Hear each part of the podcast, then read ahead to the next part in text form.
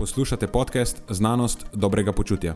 To je oddaja, v kateri odkrivamo, kako lahko znanost pomaga izboljšati vaše počutje in kako kritično razmišljanje omogoča sprejemanje dobrih odločitev na področju zdravja in fitnesa.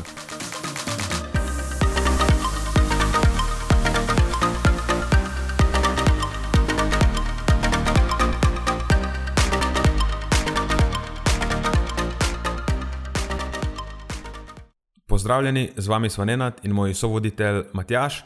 V tokratni epizodi pa se nam je pridružil tudi gost, najn prijatelj Žan Zopančič, magistr prehrane in soustanovitelj zavoda Spoznaj prehrano.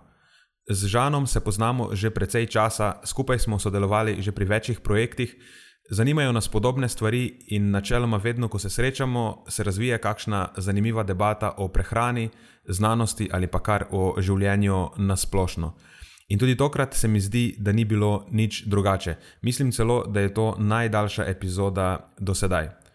Ampak Žana primarno nisva povabila zato, ker se je z njim zanimivo pogovarjati, temveč zato, ker je kolega nutricionist, ki ima izkušnje pri delu tako s splošno populacijo, kot tudi s profesionalnimi športniki. Tudi zato, ker je eden večjih, morda celo največji strokovnjak na področju presnove beljakovin pri nas. Svoje znanje o tem je izpopolnjeval v enem izmed vodilnih presnovnih laboratorijev na svetu v Maastrichtu. Pred kratkim pa je zaključil tudi strokovni izpit za dietetika v zdravstveni dejavnosti na Onkološkem inštitutu. V tokratni epizodi boste slišali naš pogovor o prehrani v preventivi pred rakom in pri rakastem obolenju, o pomenu gibanja med mladimi in starostniki, o novih podatkih v zvezi s športno-vzgojnim kartonom, dotaknili pa smo se tudi aktualnih tem zavajajočega marketinga oziroma širjenja neresnic na področju prehrane in zdravja, ter celo raznih prehransko-gibalno, zdravstveno-političnih problematik vezanih na trenutno koronakrizo. Preden začnemo, pa se moram zahvaliti še našim sponzorjem. Zaenkrat to še vedno ni velika korporacija, temveč zvesti poslušalci, ki nam izkazujete zaupanje in podporo s prijavo v našo člansko skupino Znanost dobrega počutja. Hvala vsem, ki s tem držite luči prižgane in omogočate podkastu, da raste ter postaja še bolj kakovosten. Hvala tudi vsem ostalim, ki nas podpirate z visokimi ocenami in pozitivnimi komentarji, ter tako, da priporočate podcast svojim znancem in prijateljem. Zdaj pa je končno čas za začetek epizode. Uživajte ob poslušanju.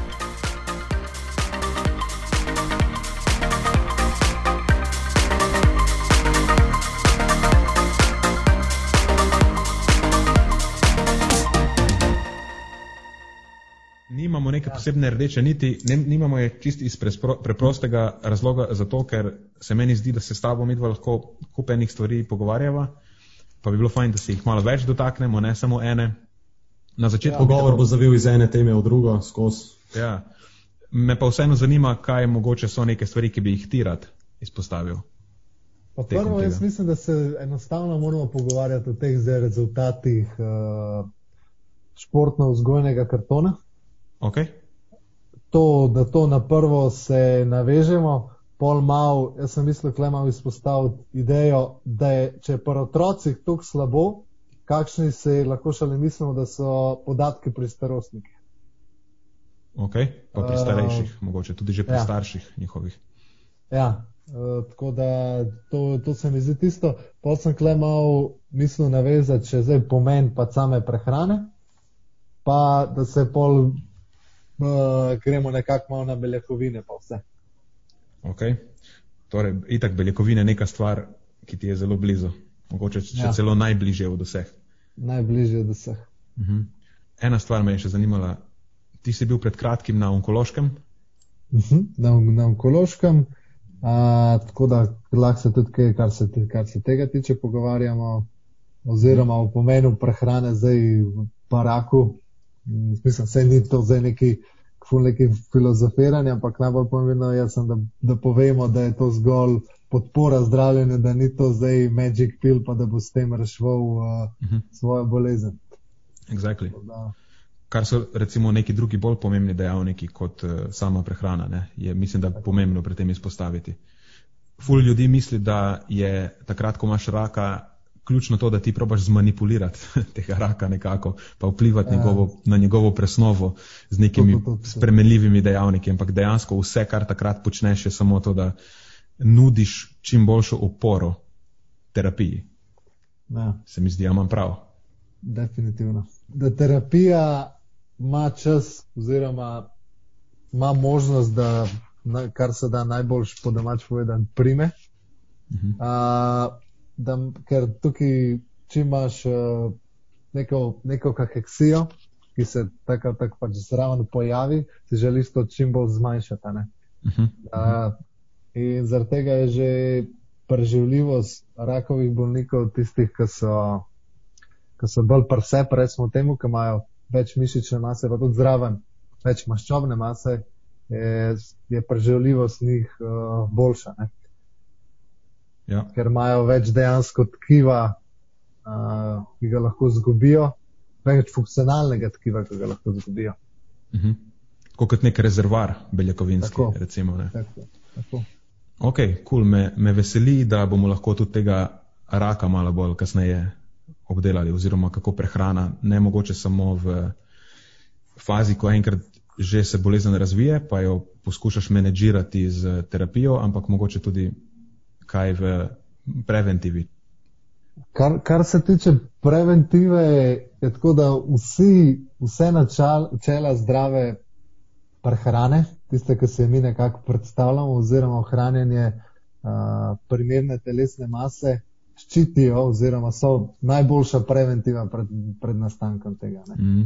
Mm. Uh, potem je zdaj sicer, kar se tiče uh, določenih vrst raka, zdaj recimo kot je seveda na debelem črevesu, je to zelo povezan zdaj predvsem z vnosom nekih, neke vlaknine, uh, pa z predvsem tem načinom priprave uh, mesa oziroma oblik mesa, ali je to predelano, uh, pa vse ne. To so tista, mislim, to ni načeloma neka velika znanost, ampak so nekako iz uh, epidemioloških študij so se te nekako vzorci uh, pokazali. Ne. Mm. Uh, da, pa pri tem je, raku na debelem črvesju tudi neuravnotežen vnos maščob oziroma maščobnih kislin, predvsem nasičenih, ne, ki potem ja.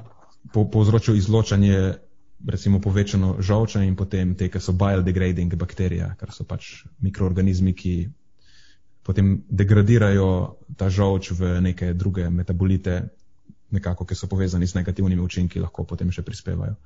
Ampak, ja, to, je, to je tudi načeloma bolj povezan s tem vnosom zdaj, živalskih beljakovin, ki je zraven maščoba pri, a, pri masnih kosih, ne zraven. Zaradi tega se tudi to poudarja bolj, a, kar se tiče uživanja bolj pustih kosov mesa. A, tako da je to neka zdaj ta povezava. Se pa seveda tudi te vzorce z določenim življenjskim slogom a, oziroma z zraven sovnosom prehranske vlaknine oziroma više količine zelenjave a, se da tudi to pač preprečiti oziroma zmanjšati. Uh mhm. -huh. Da ni zgolj to črno-belo. Uh mhm. -huh. Je pa fajn na začetku, da si povedal, da dejansko lahko kar s tem, kar se tiče preventive, zaključimo.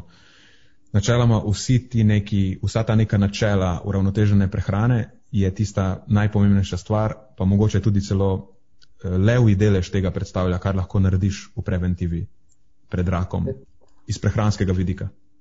Ja, ampak to je, to je dejansko najtežje. Mi dva veva, da slediti oziroma vzpostaviti neke take vzorce v, v svetu, uh, kjer si obdan za milijon in eno zadevo, ki je definitivno bolj simpatična, ali pa da se danes popularno izrazimo instagramabilna, uh, je, je to kar, kar težko na dolgi rok. Plus to zahteva določeno znanje, predvsem zaradi tega, ker so priporočila, po mojem mnenju, niso glih najbolj zastavljena, bi bila bolj boga bolj ta bolj uh, food, food food approach, oziroma bolj sledim nekim uh, priporočilom, ki temeljijo bolj na, na določenih živilih, ker si to dejansko znamo predstavljati, ne toliko na nekih uh, skupinah uh, živil in, in podobne. Uh, tako da, ja, kar, se, kar se tega tiče, uh, pa tudi kar se tiče same uh, telesne vadbe zraven, oziroma samega življenjskega sloga. Pri teh priporočilih, kot so podana zdaj, recimo, ki se precej osredotočajo na posamezna hranila, se jaz ja. doskrat pošalim, ker ko rečemo ljudem, ok, morate povečati svoj vnos recimo mononenasičenih maščobnih kislin ja. ne, v, zamenja, v zamenjavi za nasičene. To je povprečnemu uporabniku zelo neuporabno, ker on pride v trgovino in tam ne more vprašati, ne more poiskati mononenasičenih maščob. On pride v trgovino in ga zanima, ali bo jutri spekel jajca na slanini ali pa v cvirkih, ali pa bo spekel jajca na olčnem olju. Ne, to je relevantno za povprečnega uporabnika. Ne to, pod kakšen odstotek moraš znižati svoje nasičene maščobe. Ja, ker mi dejansko uživamo živila, ne pač neka hranila. Ne. Hranila so zdrava nekaj uh, posrednega, pač noben si to zdaj ne predstavlja, oziroma razen mi, neki giki, ki imamo razdeljene vse, nekaj pa veš točno, kakšna je hranilna sestava, uh, veš, kaj to sproži določene presnovne uh, učinke ampak načeloma 99% ljudi se to ne razmišlja o prehrani, tako kot recimo mi. Tako je. Mi vidimo svoj krožnik, pa ne vidimo več živil, temveč samo še makrohranila, pa mikrohranila, pa boh ve kaj še vse. To je na nek način je prekletstvo. Ja. Je pa to pomembno za nekoga, ki se ukvarja s sestavo food-based priporočil, da vse te ja. stvari veš. To je mogoče še ena tema, ki bi se je bilo smiselno dotakniti. V zadnjem obdobju sem na večjih naslovih slišal, da se pogovarjajo o tem, kaj pomeni biti dober svetovalec. Mi lahko se pogovarjamo, kaj pomeni biti dober svetovalec ali pa nutricionist na področju prehrane, ampak nasplošno, ko govorimo o zdravju, imamo razne trenerje, pa kaj pomeni biti dober trener, kakšne set znanj moraš usvojiti ali pa si ga lastiti, da bi bil dober na tem področju. Ker se potem reče pogosto, da, moraš, da je delo z ljudmi, tukaj ti delaš z ljudmi in je potem delo z ljudmi tisto, ki sestavlja 80 odstotkov tega. In da dober trener ali pa svetovalec pomeni biti, da si ti dober z ljudmi, predvsem. In da si lahko samo to, da si dober z ljudmi, lahko nekako, ni glih, da je to kdo izredno povedal, ni, to je nekako, a veš, v tej izjavi potem pridodano, da je dovolj. Ja ali pa predvsem najbolj pomembno, da si ti samo dober z ljudmi, tiste prehrane, a veš, vse in tako si jemo, pa vse vemo o tem, pa se potem lahko sproti jo lahko pobereš. Ja, ampak jaz bi tukaj uno, kot sva rekla, zdaj, če hočeš biti dober svetovalec, pa veliko ljudem pomagati, je tukaj kup enih teh različnih pristopov, ki jih moraš prilagoditi za vsakega posameznika. Ne? In tukaj zdaj vemo, da večino šarlatanov imajo zgolj in samo en pristop. Uh, ali je zdaj to ne, LCHF, ali je zdaj to ne vem, postenje. Zgolj ta, kar se mi radi izreč, uh, izrazimo, uh, je ta koček z prehranskimi urodi nekega prehranskega svetovalca zelo reven. Ni lepo popredalčkan, kot nekdo, ki ima več znanja, pa zna v določenem momentu se pravilno tukaj zdaj na pravilen način uh, povezati z neko, z neko osebo in najti za njo točno določene rešitve, ki so za njo dejansko nujno potrebne. Mhm. To, kar si pa zdaj omenil, je pa pravzaprav osnova, ki jo mora imeti vsak dober prehranski svetovalec. Mora imeti neko dobro znanstveno podlago, ki potem predstavlja osnovo za ta njegov prehranski kovček različnih orodij. Potem je pa ja, drugi korak, seveda, to, kar si ti že omenil, nenad, kako se povezati z osebo, razumeti, imeti nek eh, občutek za empatijo, pa znati potem vsa ta urodja spraviti v prakso na takšen in drugačen način, da pripelješ tega človeka do njegovega cilja. Uh mhm. -huh. Ampak jaz vidim še en nivo, mogoče globje, oziroma to, da moraš biti zelo dobro da ti mora biti domača, ti morajo biti te basične znanosti, da moraš vedeti, kako je na nekem biokemičnem nivoju nekaj lahko poteka, ali pa kakšne so opcije spoh v osnovi in potem kako se na fiziološkem nivoju, katera od teh opcij se pogosto izraža in katera pogosto poteka in katera manj pogosto in potem kako se to na nekem eh, širše oziroma še bolj nasplošno, mogoče na javno zdravstvenem nivoju ta stvar v praksi pokaže. Fajn je vedeti te stvari zato, da ko kupuješ te orodje, orodja, ki jih daješ v svoj kovček, da veš, katero orodje dejansko je lahko uporabno, kje pa za kateri namen in katero orodje absolutno ni uporabno, kljub temu, da ti ga njegov prodajalec poskuša prodati kot nekaj, kar je dobro. Ker ti si dejansko, če imaš samo tako zelo površno poznavanje teh tem, se ti lahko v neki točki zdi, da en model, ki prodaja neko metodo z bistveno globšim znanjem, se ti zdi, da ti je to smiselno predstavil in potem ti to metodo dodaš v svoj kovček, ampak ker ne poznaš nekih samih teh principov, mogoče že v osnovi biokemičnih, pa potem fiziološko, kako bi se ta zadeva izražala, kupiš to in daš v svoj kovček in pridno uporabljaš, kljub temu, da to nima neke trdne baze na tem. In pravim, da je res pomembno imeti trdno bazo iz, trdno bazo iz bazičnih znanosti, na kateri stojiš, da te potem drugi ne morejo peljati scat, kot malo sicer grdo rečemo. Ker če tega nimaš, pa si zelo empatičen, potem mogoče celo v tej želji, da bi veliko ljudem pomagal, kupiš neke pristope, ki pa na koncu ne vodijo v koristne učinke za veliko ljudi, ampak lahko vodijo po neugodni cesti. Se mi zdi. Ja, ne, definitivno je tisto basic znanje, ki ga pridobiš iz, iz biokemičnega, iz uh, same fiziologije, tisto na trdno, na katero moram se temeljiti. To so temelji, ki jih postaviš, pa potem dodajaš zraven, uh, zraven plate, ne? da se mhm. izrazimo, če, kukr, če gradiš uh, neko hišo. In pol vse skupaj lahko zgleda, oziroma deluje uh, zelo, zelo, zelo dobro. Uh, pa imaš neke zadeve, ki jih lahko nekomu predstaviš. Ne? Moramo se zavedati, zdaj, da, vseh, recimo, zdaj, da je vsem ultimativno neko dobro počutje, zdravje a, ali kakorkoli. Pač ljudje imajo različne cilje. Za, za, za različne cilje so tukaj zdaj tudi različna, različna urodja.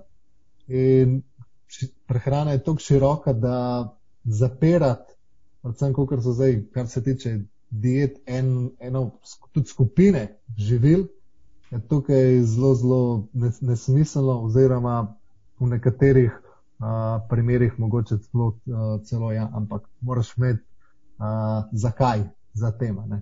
Uh, da ta z, zakaj je pa mora sloniti na zelo, zelo močnih uh, znanstvenih temeljih, ker če ne, da ne veš, kaj je lahko negativne posledice tega, si si potem uh, zafrknil celotno zadevo. Ne? To si odlično povedal. Dejansko ne moreš samo se naučiti seta nekih priporočil, ker včasih me kak, recimo, nadebudni svetovalec vpraša, ok, kaj so pa živila, ki jih vi priporočate. A veš, ni priporočil, ki jih, mislim, ni živil, ki jih mi priporočamo so neki principi, ki jih obvladamo in potem apliciramo odvisno od posameznikovih potreb, njegovih ciljev in njegovih preferenc, potem vemo, kaj je za to primerno in kere metode, ne, zakaj so te metode za, ta, na, za te namene in v teh okoliščinah primerne in jih ustrezno apliciramo. Ne moreš se naučiti samo parih točk, ki jih potem, ki imaš šablono in jih potem samo podajaš vse povsod ne moreš na tem področju tako funkcionirati. Ja, je, je definitivno preveč nekih uh, izjem. Tako je. Tako je. Šablona se tako sliši na prvi uč zelo mamljiva, ker potem samo delaš po enem in istem vzorcu, pa je tako zelo enostavno se sliši na prvi uč. Ampak ne, pravzaprav, ko ti razumeš vse to, o čemer smo se pogovarjali, si opolnomočen do te točke, da veš, ne potrebuješ te šablone in lahko greš potem ven iz te šablone in lahko pomagaš komorkoli, zato ker slej, ko prej dobiš nekoga, ki pač ne bo ustrezal te šabloni, oziroma je bolj praviloma temu tako. Mhm. Ja, eno je bližnica, drugo je pa potem tisto, kar je res dejansko učinkovito, pa kar veš aplicirati tako, na vse različne tako. primere. Ampak to smo se enkrat že z Žanom pogovarjali v preteklosti, da ni tukaj bližnic oziroma redko, redko obstajajo bližnjice in tudi če jih hočeš najti, lahko samo z res poglobljenim znanjem najdeš bližnjice, če pa nimaš tega, potem pa te bližnjice ponavadi vodijo samo v neko grmovje tam noter in samo zabredeš, ja. se popraskaš. Ja, točno to, to je tako, kot en uh, lotusov cvet, ki zelo mamljivo deluje, ki pa hočeš iti blizu, pa stopaš zraven dejansko v, v blato, ne? oziroma mm. v drek. Da, Ej, cool.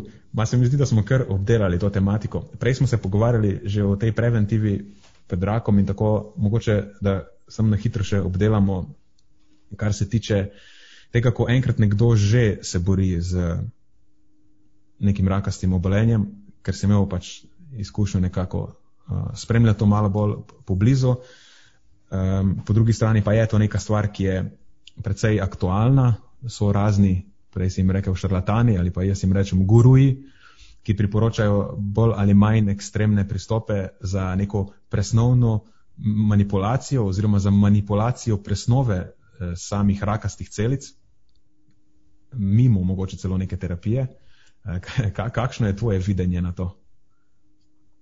Pa, pa načelno, načeloma je tako, da vse te zraven uh, neki pristopi alternativni, če jih primerjaš z, uh, ko so študije narejene na, na to temo, imajo uh, slabšo učinkovitost.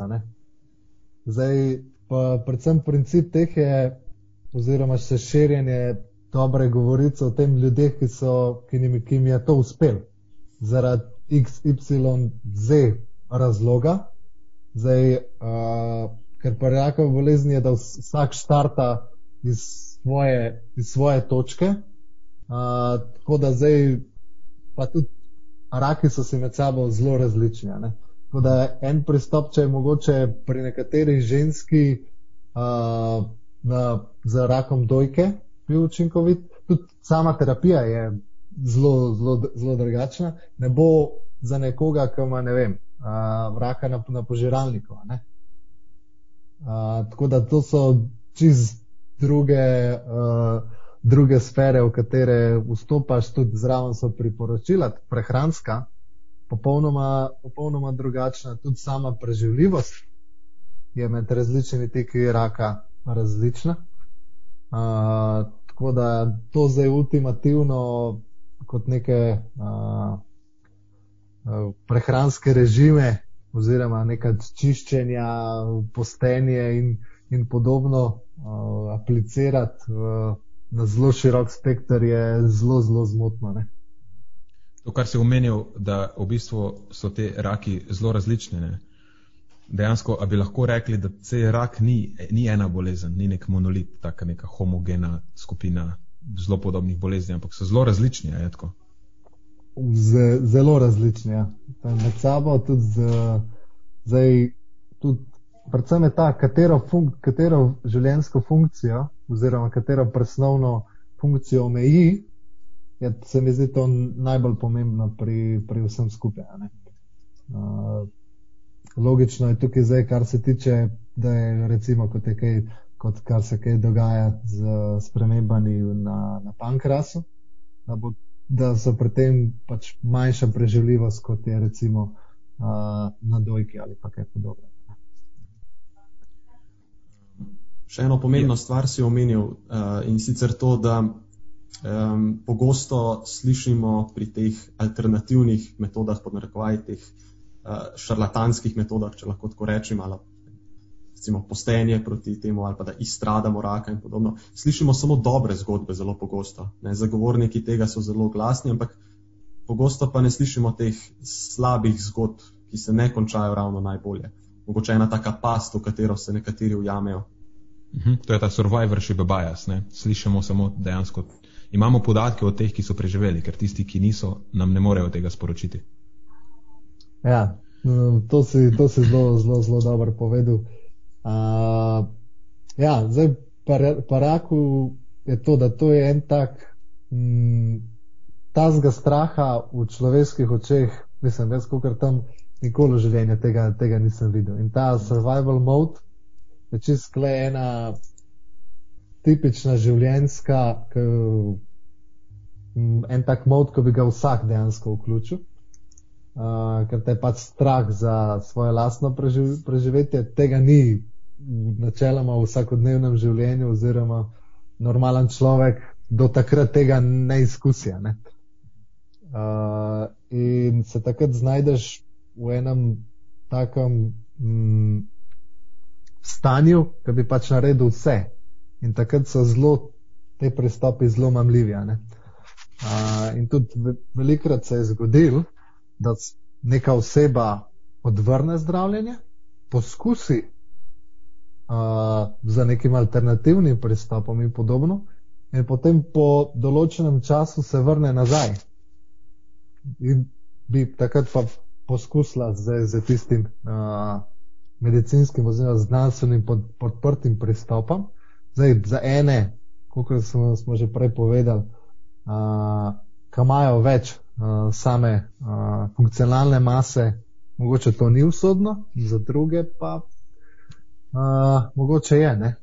To je zdaj odvisno, v kakšnem, kakšnem stanju se potem vrnejo, kako se je bolezen uh, razširila. Uh, zelo, zelo zavisi. Ker vemo dejansko, da je zelo pomemben ta časoven aspekt tega zdravljenja je zelo pomemben. Čim prej začneš, boljša je tvoja prognoza. Potem pa ja. dejansko lahko z neko alternativno opcijo zgubiš dragocene tedne, mogoče celo mesece. Ja, zaradi zar tega so sem predvsem te uh, presajalni testi, ne? oziroma kot so te programi uh, Dora, Svit, uh, so to je, to je zlata vredno. Kar ja. se tiče tukaj, uh, to je ogromno enih oseb, ki so uh, ki jim odkrijejo raka, recimo v zgodni fazi, so, so to tako izjemno hvaležni, kar se tega tiče, uh, ker če tega ne bi bilo, potem ponavadi to odkrijejo zelo, zelo prepozno. Mhm. Tudi ni nujno, zdaj, recimo, da boš opazil uh, kri na blatu, uh, pa še zmeraj lahko bolezen je prisotna. Uh, Tako da tega so te programi uh, ja, res zlata vredni. Tako da za vse poslušalce, dajte se tega udeležiti. No.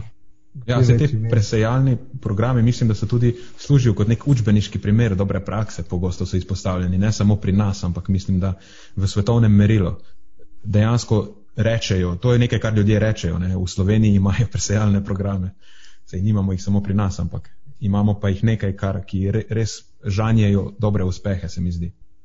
Ja, ja vrhunsko so. Mm. Uh, mislim, nisem jaz kle nekdo, da ima neko zelo močno znanje, pa da znam to primerjati, oziroma da imam neke izkušnje, kako to v tujini poteka, pa vse. Ampak uh, čistko, uh, kar sem uspel videti, uh, je to zelo, zelo, zelo dobro. Ja, v glavnem, lahko rečemo, da tudi veš, v Sloveniji imamo neke primere dobre prakse, ker zdaj je popularno samo tošt po sistemu. Ja. Mm. Pomalo pa pozabimo, kako fino nam je dejansko. Da je res mogoče pri zdravniku je treba počakati malo dlje, ampak kupenih drugih luksuzov pa ljudje ne vidijo. Dejansko si jih vzamemo za samoumevne, kot da nam pripadajo. to je taken vzorec danes. Ful stvari nam pripada, nihče ne vidi stvari, ki so mu podarjene. Ja, te, te zadeve so mogoče malo izven tistega spektra vsakega posameznika. Uh, ampak ja, mm, je, je tako, kot uh, je. Uh, upam, čim, da se čim prej uh, tudi ta um, situacija z, z, z korono uh, spremeni. Te programi so bili zdaj dokaj uh, na pauzi. Ja. Mm. Tako da. Ja. Ja. Se je pa to čist normalen nek vzorec. Ljudje načeloma tako razmišljamo, da smo bolj dovzetni za negativno, to je ta negativity bias. In malo pozabimo za vse, kar nam je, kar nam je fino. Se mogoče tudi s temi cepivi, to je bila zdaj v zadnjih par dneh taka aktualna stvar. Enako. Dejansko, ko ne vidimo ljudi okoli nas, ki na redni bazi zbolevajo, in je to res neka zelo prisotna stvar, potem pozabimo, da so cepiva dejansko tista, zaradi katerih veš, teh bolezni zdaj ni, da je prej bilo mogoče tisoče, deset tisoče mrtvih letno zaradi nekih stvari, zdaj pa mogoče vidimo samo tisto eno ali pa dve ali pa recimo peščico nekih negativnih reakcij, ki večinoma niso tako hude in potem pozabimo na vesta. Uh, vsa ta zaščitena življenja na drugi strani, ki jih je tisoče, vidimo pa samo teh par negativnih primerov in potem dejansko primerjamo te negativne primere z ničim, ampak vidimo, a veš, in poje to takoj zelo drugačna kalkulacija, če bi pa malo globije to stvar preveril in bi primerjal teh par negativnih reakcij z tisočimi rešenih življenj, ne samo v smislu smrti, ampak tudi nekih drugih trajnih posledic, ki, lahko, ki so jih te bolezni, ki smo jih zdaj že pri nas vsaj izkorenili, puščale. Ja, ne, kar se mene tiče, je tukaj zdaj čist problem neke komunikacije. Tudi mm. Jaz največji problem v COVID-u vidim zgolj v, v komunikaciji.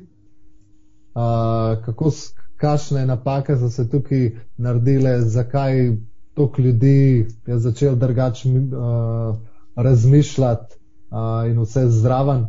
Uh, tako da jaz tukaj največjo napako pri celotnem tem vidim v komunikaciji in pa zraven v, v nekih političnih. Uh, uh, izgledih, uh -huh. uh, ki so zraven pustili uh, pač nek, uh, nek pečat pri ljudeh. Nažalost, se mi še zmeraj uh, razmišljamo tako, ja, on, recimo, ne, vem, ne rabi nositi maske, on je politik, oni te, tega, tega ne rabijo.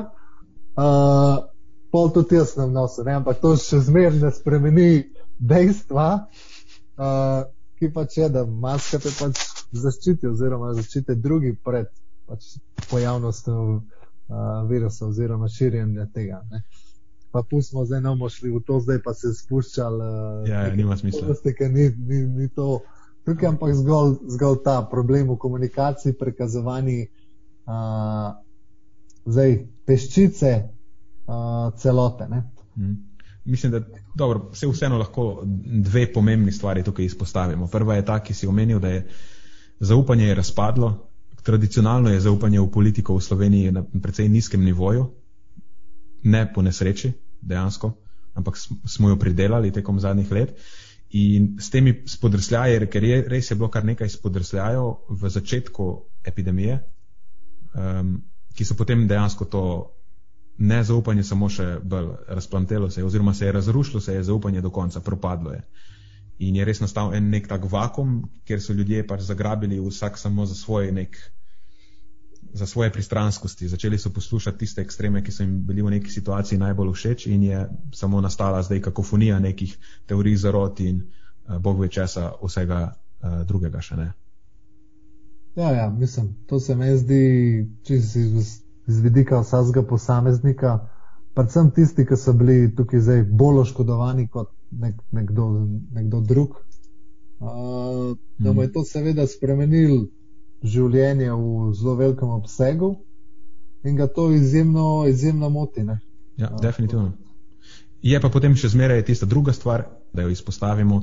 Na koncu vseeno pride do neke osebne odgovornosti. Tisto, kaj pa onarstvo, ali kako bi spoh temu rekli, nekdo je enkrat to tako opisal. Zakaj jaz moram, če njemu ni treba? Mislim, ja to je potem samo prelaganje odgovornosti. Dajmo najprej pomest pred svojim pragom, delati stvari, kot mi mislimo, da je najboljše.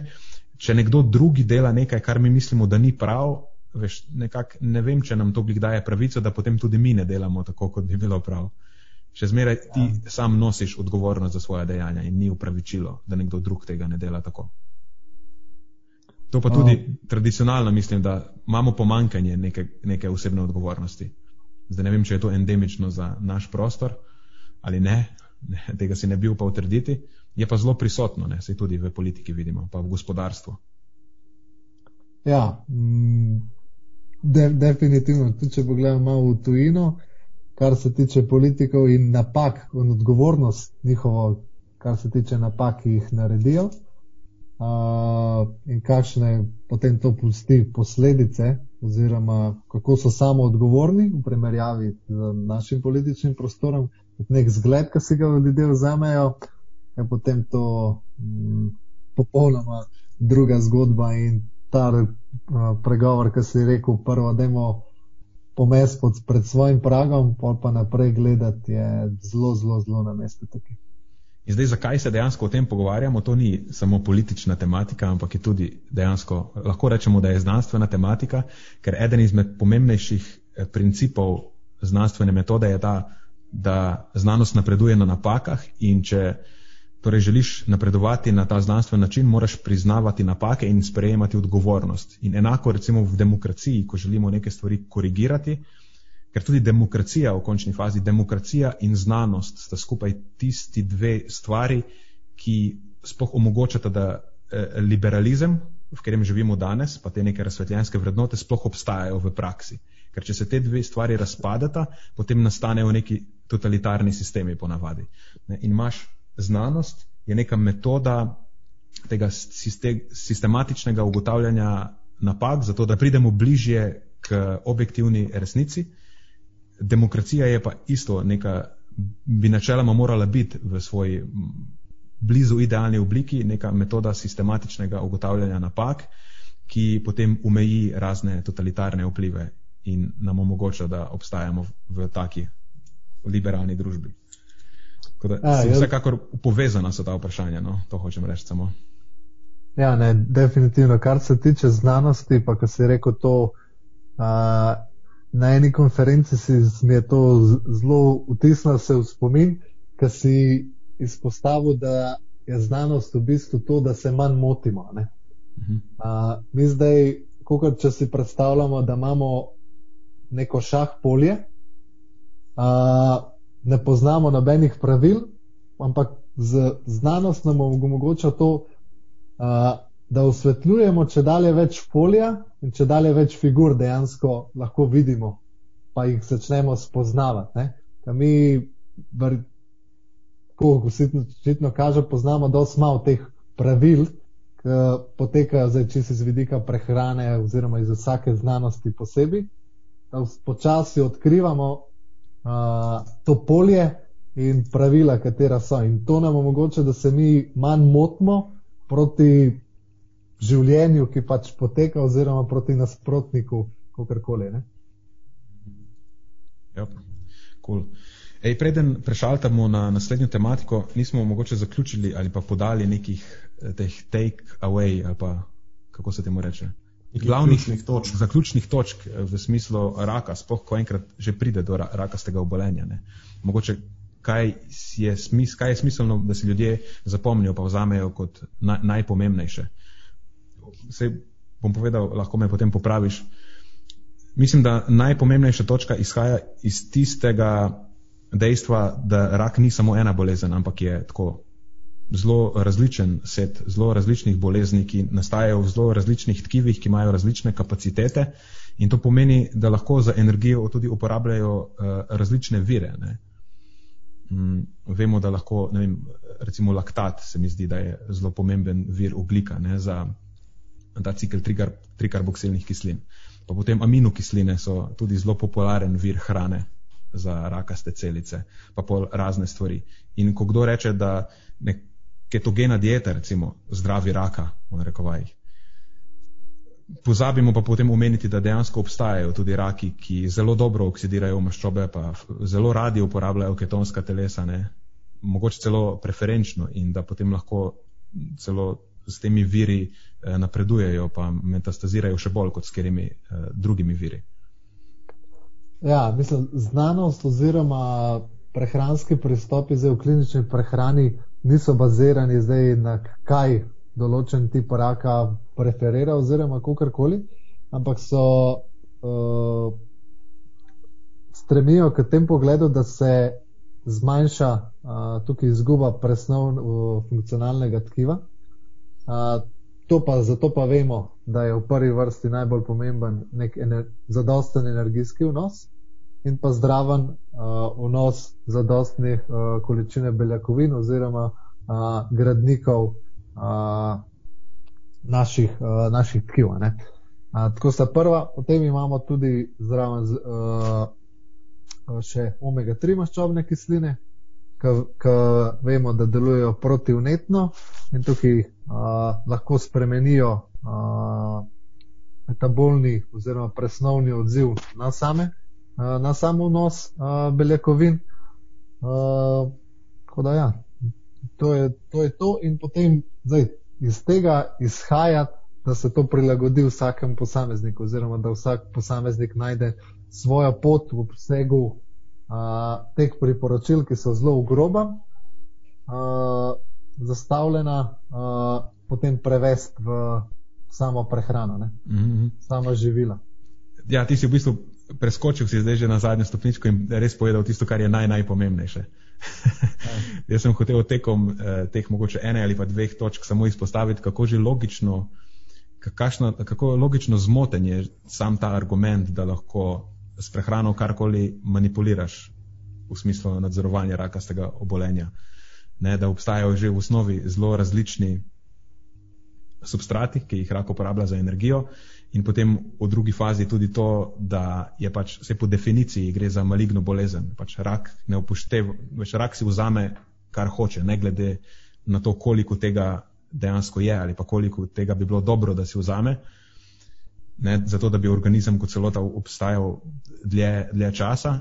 Tako da so res te neki, to ukvarjanje s poskusi manipulacije presnove prek vnosa hranili en tak zelo naiven pristop, ki ne upošteva v prvi fazi teh kompenzatornih mehanizmov raka, v drugi fazi pa tega, kot si ti omenil, da dejansko je kup še enih stvari, ki zelo pomembno vplivajo na sam potek zdravljenja in ki jih je bolj pomembno upoštevati, kot pa to, kar, kaj dejansko ta tvoj rak uporablja kot preferenčni substrat za energijo.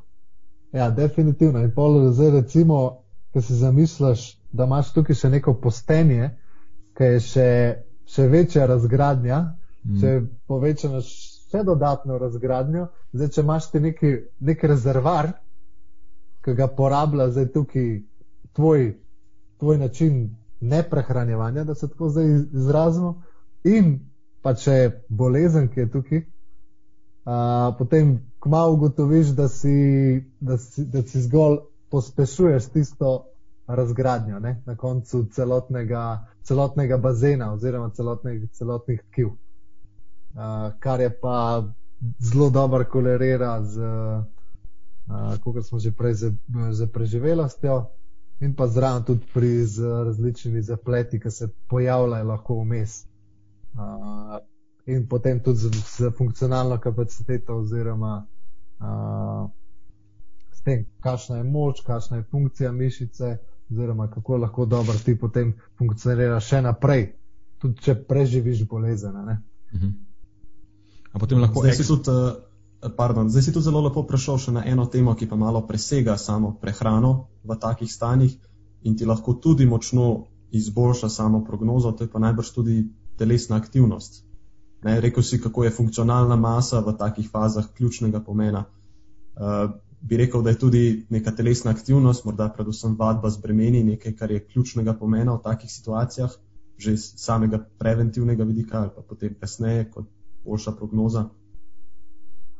Uh, ja, kar vi oziroma mi podarjate, je ta uh, krepitev celotne uh, funkcionalne kapacitete, do, izjemno dobra preventiva uh, in potem tudi izboljša samo, uh, samo mišično funkcijo tokom zdravljenja. To je zmer, zmer zelo zavisi od, od, uh, od, samega, od samega zdravljenja, uh, od, same, od same terapije. Tako da ni zgolj uh, telesna aktivnost. Uh, zmer nekaj, nekaj najboljšega, kar bi si pa zmer, uh, pa vsem pa vsakmu tipu želel. Tako da so zelo individualna a, priporočila. Seveda, ja, predvsem zdaj, a, recimo pri raku prostate, recimo a, terapija taka, da se, da se zniža pač testosterona. A, tako da tudi to, kar se tega študije tiče, sem tudi jaz uspel zraven Maastrichtu, ko sem bil sodelovati z. z z temi participanti oziroma udeleženci pri tej raziskavi. A, tako da, ja, treba zmer gledati za vsakega vidika, vidika posebej. Ker spet imaš tukaj neko patofiziološko stanje dejansko, ki se ne bo na vadbo odzivalo enako kot normalna fiziologija. Sploh, ko imaš mogoče že tako ali tako več neka kaheksijo ali nekaj takega, potem je, kaj sploh lahko z njim delaš. Ja, vse prav, kot sem rekel, zelo zavisi. Uh, je pa tudi tako, da si potem tudi poveča samo neko, uh, zdaj recimo, pa nekomu, ki je zelo neješč. Uh, potem sam še povečaš uh -huh. uh, neko eno energijsko uh, porabo, uh, ki ga v bistvu še bolj pahne tisto razgradnjo. Ne? Tako. Ja, okay. da... Pre, prej sem samo hotel reči, ali lahko potem eksplicitno rečemo, da neko postenje in pa ketogena dieta in taki bolj ali manj ekstremni pristopi zaenkrat niso podprti na kakršen koli način in niso niti priporočljivi zaenkrat. Prej uh, lahko rečemo, da so odsvetovani oziroma da znanost uh, je gre zelo, zelo, zelo roko s tem, da jih nasprotuje. Ne? Ne, da so priporočeni, ampak da, da jih nasprotuje. Se pravi, veri bolj v tej smeri. Okay. Uh, to sem hotel na, da, naslednjo, spet si me prehitel. Ja, svaka, svaka čast. Ja, ni, ja. uh, ni niti približno tako priporočeno, neč to je odsvetovano, en velik uh, X zraven. Ok, cool, cool. Če je slučajno kdo po vsem tem rabil še eksplicitno, da se mu pove. Ja. Ok, dobro, po moje lahko kar zaključimo s to tematiko za enkrat. Prej si v bistvu ti omenil uh, te kartončke, športne kartončke, ki smo jih delali v osnovni šoli vsi. Športno vzgojni ali kako se jim reče. Špo, ja, športno vzgojni uh, karton. Uh, to je Jaz bi sam tako rekel, kapo dol uh, temu projektu, oziroma sem temu, da uspe toliko časa uh, to voditi in vse te, te podatke, ki smo jih zdaj, dva, tri dni nazaj, ki so bili objavljeni, so plot več desetletnega dela in mi imamo tukaj zdaj neke uprimerljive podatke, ki jih lahko tukaj mi primerjamo in zdaj ocenjujemo. In to je en in edini razlog, zakaj lahko mi zdaj tako hitre ukrepe sprememo, kot upam, da, da jih bojo. Uh, to je zdaj osnova za, za vse ukrepe, ki sledijo. Uh, tako da, ja, stanje je pa definitivno alarmantno. Ampak kaj tukaj najbolj zraven je, največji alarm je to, kakšno vlogo ima gibanje, pa vsem, pa vsem tem skupaj. Pustimo, pustimo to zdaj, uh, da to obzir jemlje zgolj gibanje, ne pa to, tudi kako se je prehrana v tem času spremenila. Ima tudi prehrana zelo velik vpliv zdaj, uh, na debelost, če gledamo zgolj ta, uh, ta podatek. Uh, ampak ja, m, bomo videli, kako jim bo to uspelo, ker krivulja, tam če pogledamo, je šla že počasi navzdol. V zadnjih desetih letih se je že počasi obračala uh, navzdol, ampak ta je bil pa zdaj res en ogromen skok navzgor. Že v štartu, recimo, spet si ne predstavljamo, kako zelo pomembni na nekem javno-zdravstveni ravni so ti podatki in kako smo mogoče v prednosti, da jih imamo, ker spet vse države tega ne spremljajo na ta način. To je mogoče samo še spet en izkaz, da vseeno v Sloveniji znamo stvari delati dobro. Seveda ti kartončki niso popolni, pa bi mogoče lahko dodali se še neke druge metrike ja. ali pa kaj takega. Ampak nam pa dejansko povejo precej no, o tej neki motoričnih sposobnostih otrok, pa splošnem funkcionalnem stanju mladine. Ne, da res kapo dol. Ja, de, definitivno so tukaj zdaj tudi določene pomankljivosti, oziroma znanost je, je napredovala vsem tem, a, tem skupaj, ampak a, jaz bi se bolj sredotočil v tem, da je to treba pohvaliti kot, mm -hmm. neki, a, kot neki grajat, kaj bi lahko bilo še boljš, ker to slovenci znamo a, zelo dobro. Ampak, a, ja, je vrhunsko vse skupaj, da to, da to imamo. Mm, da, ja. Kaj je bila pa mogoče tista ena komponenta, ki je najbolj padla, veš, mogoče iz tega kartončka v zadnjem obdobju? Kje je največji razmak, oziroma kje je največja razlika med v stanju, ne vem, mogoče pred 20 leti in v stanju zdaj? Um, se spomniš mogoče? Mm. De, debelost je bilo tega. Kako? Ne, da je na, samem, na samem kartončku mislim, veš, ker so vesel zgibi in vse te stvari. Kaj se je najbolj poslabšalo, recimo? A Veš, da iskreno nisem, uh, nisem tok. To bi, me, to bi me zanimalo, res. A obstaja, veš, kakšna razlika značilna med, med temi komponentami? Ali so vse padle približno enako? Vse so, vse so padle, prav, kar se tiče, uh, lahko si potle pogledaš, vse so dejansko padle. Ne vem pa, kje bi izmed teh uh, izpostavil. Ker imamo Nekako ne, ne, nekako imam tole vesel zgibi nekako uh, v spominu, da, kar, da se mi je zdel tisti podatek uh, zelo velika sprememba, ampak uh, ne vem, mis, mislim, da je tisto. Ampak deluje, sliši se to dokaj, dokaj logično. Ne? mm. Če Uh, gre debelost gor, gre vesel zgibi dol. ja, Pa mislim, tudi kako se recimo spreminja življenjski slog otrok. To je nekaj, kar bi jaz pričakoval, da je padla ta vesel zgibi, pa tiste neke ki, vaje, ki preverjajo koordinacijo. Veš, tista zadeva, ki se plaziš nazaj, vzvratno, pa te stvari. ja, ja, to, je, to je vse, vse je to padlo. Mm. No, to ne dvomim, da je padlo. Samo zanima ja. me, a je kakšna stvar padla bolj kot druga, ampak to je nekaj za drugič, mogoče pol, da preverimo. Ja, ja. Mm. Tako da, ja, jaz bi se tukaj pa zdaj pol navezal.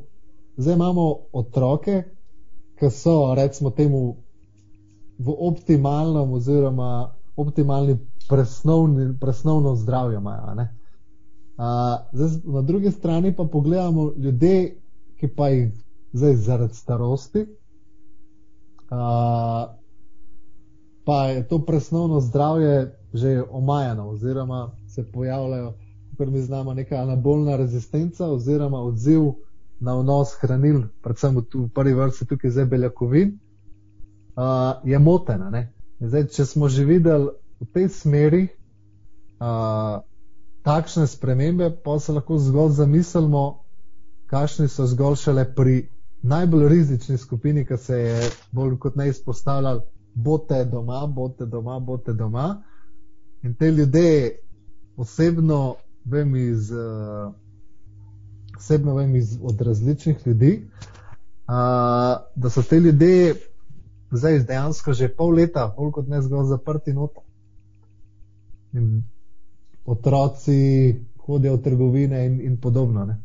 Tako da so zelo, zelo uh, pospešili tisti vpliv staranja na, na samo presnovno, na samo funkcionalno tkivo. Ne. Z vidika same fizične aktivnosti.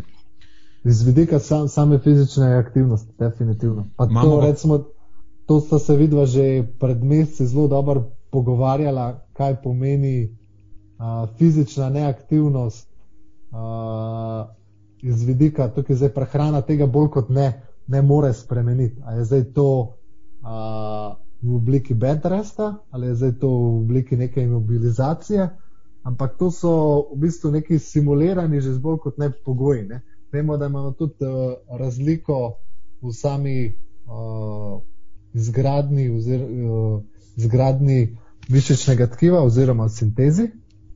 Kakšno, kakšno je uh, tudi število korakov, to zelo, zelo lepo dobro ko, kolerira. Ne. Če nekomu to oduzameš, ta nek mišični stimulus, potem je to zelo problem. Tudi na presnovno zdravje naprej, kar se tiče metabolizma oziroma presnove glukoze in lipidov. Uh -huh. ja. Tako da je to zelo, zelo zaskrbljujoče. Kar ima potem lahko direktne implikacije in za kardiovaskularno zdravje, in za kognitivno zdravje. Eno in drugo. Poveča tveganje zakupenih stvari. Z- Zanimivo mi je bilo pred časom, ko sem videl, da dejansko obstajajo tudi pomembne korelacije med samo družbeno izolacijo in različnimi markerji kardiovaskularnega zdravja, sploh za ta krvni tlak je dobra korelacija med ljudmi, ki so nekako družbeno izolirani. To je definirano kot to, da nimajo nekoga, na katerega se lahko uprejo ali pa ga prosijo za pomoč v nekih hudih stresnih situacijah in jim to mogoče povzroča nek tak baseline stres, ker ljudje vseeno smo socialne živali. In ti tudi, če zdaj trenutno nisi v neki hudi situaciji, um, čutiš socialno izolacijo, veš, da če se ti karkoli zgodi, boš manj robusten na ta stres in ti to povzroča nek nizek baseline stres. To je v bistvu taka hipoteza. Po drugi ja, pa. strani pa se mi zdi, da tudi lahko ta družbena izolacija potem korelira s fizično aktivnostjo, ker če si ti družbeno izoliran, nimaš nekoga, kako mu greš, ali pa s kom greš na sprehod, ali pa s kom si aktiven, in potem vse to skupaj dejansko konglomerira v nek zelo neugoden učinek na zdravje. In tudi zdaj trenutna situacija, kot si jo prej opisal, je bila še en dejavnik, ki je vse skupaj to potisnil skupaj na kup te negativne dejavnike. In družbeno izolacijo, in pomankanje fizične aktivnosti, mogoče celo neidealno prehrano. Uh, ja, m, definitivno si to zelo, zelo, zelo dobro uh, orisal. Uh, in je bil to en konkreten uh, push-down, ena konkretna brca navzdol za vse skupaj. Uh, te ljudje so bili že prej socialno izolirani, uh, zdaj so pa še, še bolj, ne, starostniki so ena taka uh, kategorija. Ja, kritična uh, skupina so, ne, s katero bi se dejansko ja. spet morali specifično ukvarjati. Pa mi zdaj v nobeni točki ne vzpodbujamo, da naj grejo vsi v trgovine naenkrat, pa se družijo na veliko, ker vseeno je situacija taka, kot je in moramo upoštevati tudi omejitve trenutne situacije probamo samo nekako uspodbujati v tej smeri, da je vseeno pri tej starostni skupini pa potrebno upoštevati tudi neke specifike, ko govorimo o ukrepih za zaščiti te populacije. Ker potem na, ja, na javno zdravstvenem nivoju je vse vedno cost-benefit kalkulacija in če jim pomagamo nekje na, na eni strani, pa jih potem zelo negativno vplivamo na njih na, neki, na pri nekem drugem aspektu njihovega zdravja.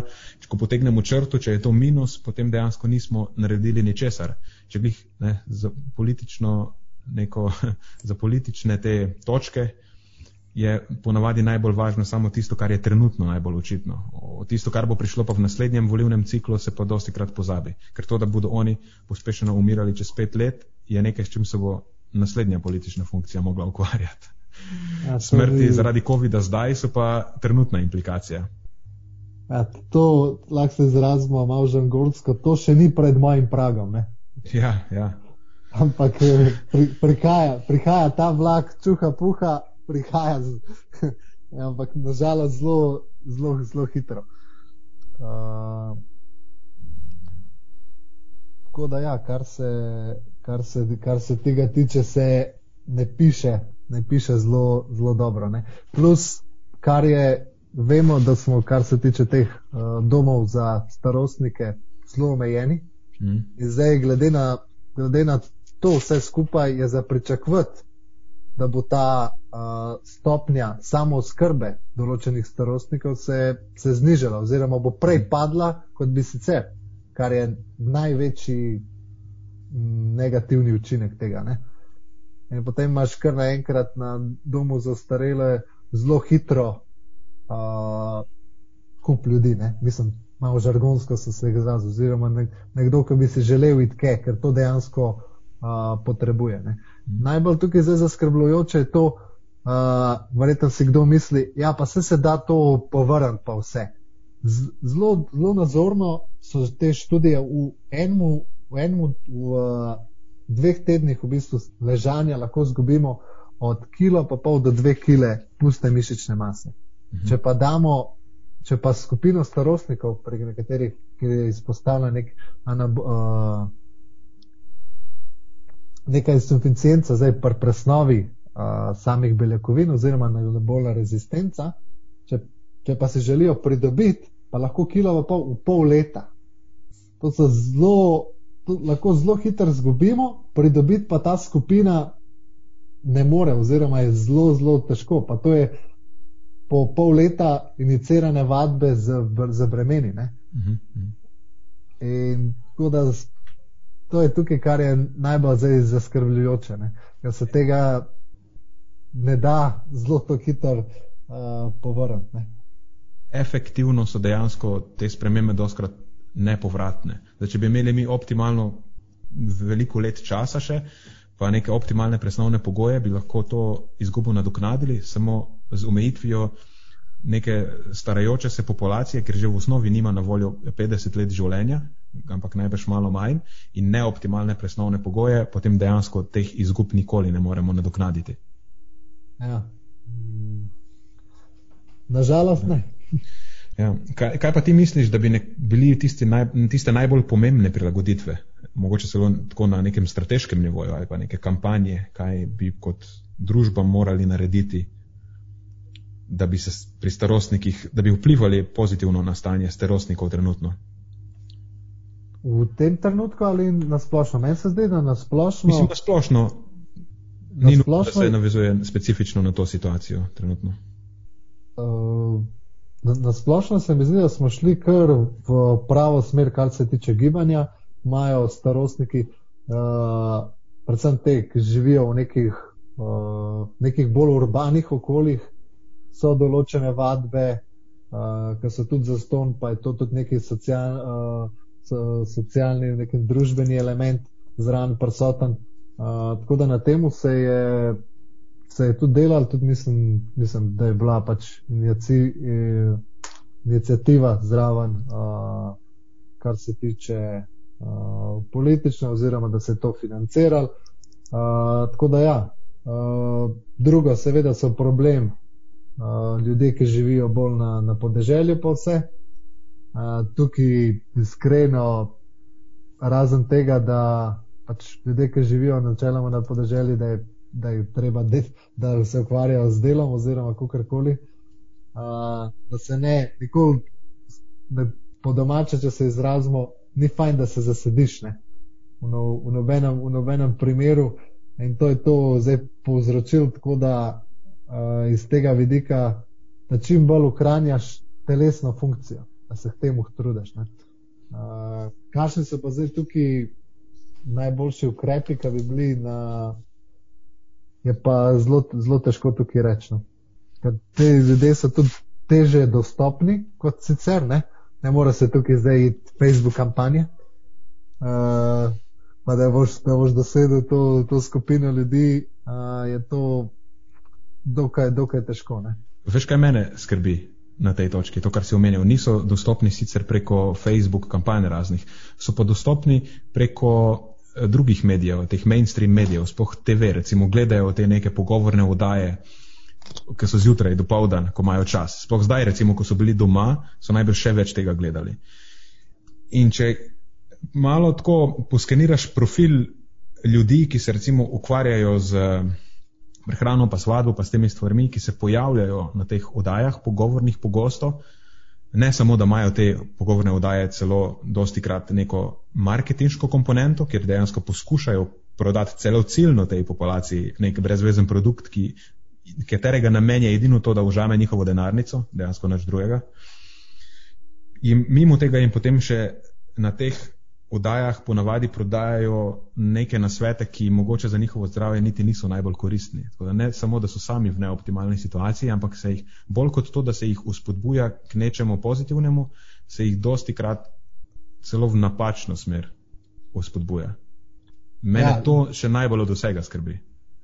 To se, to se zelo dobro urisuje. Zadnjič sem se glih ujel v razmišljanju o tem, kakšno negativen uh, zraven mm, pristop oziroma negativno uh, posledice je pustila ta marketinške uh, kampanje različnih, tukaj celotnega kupa spektra prehranskih dopolnil.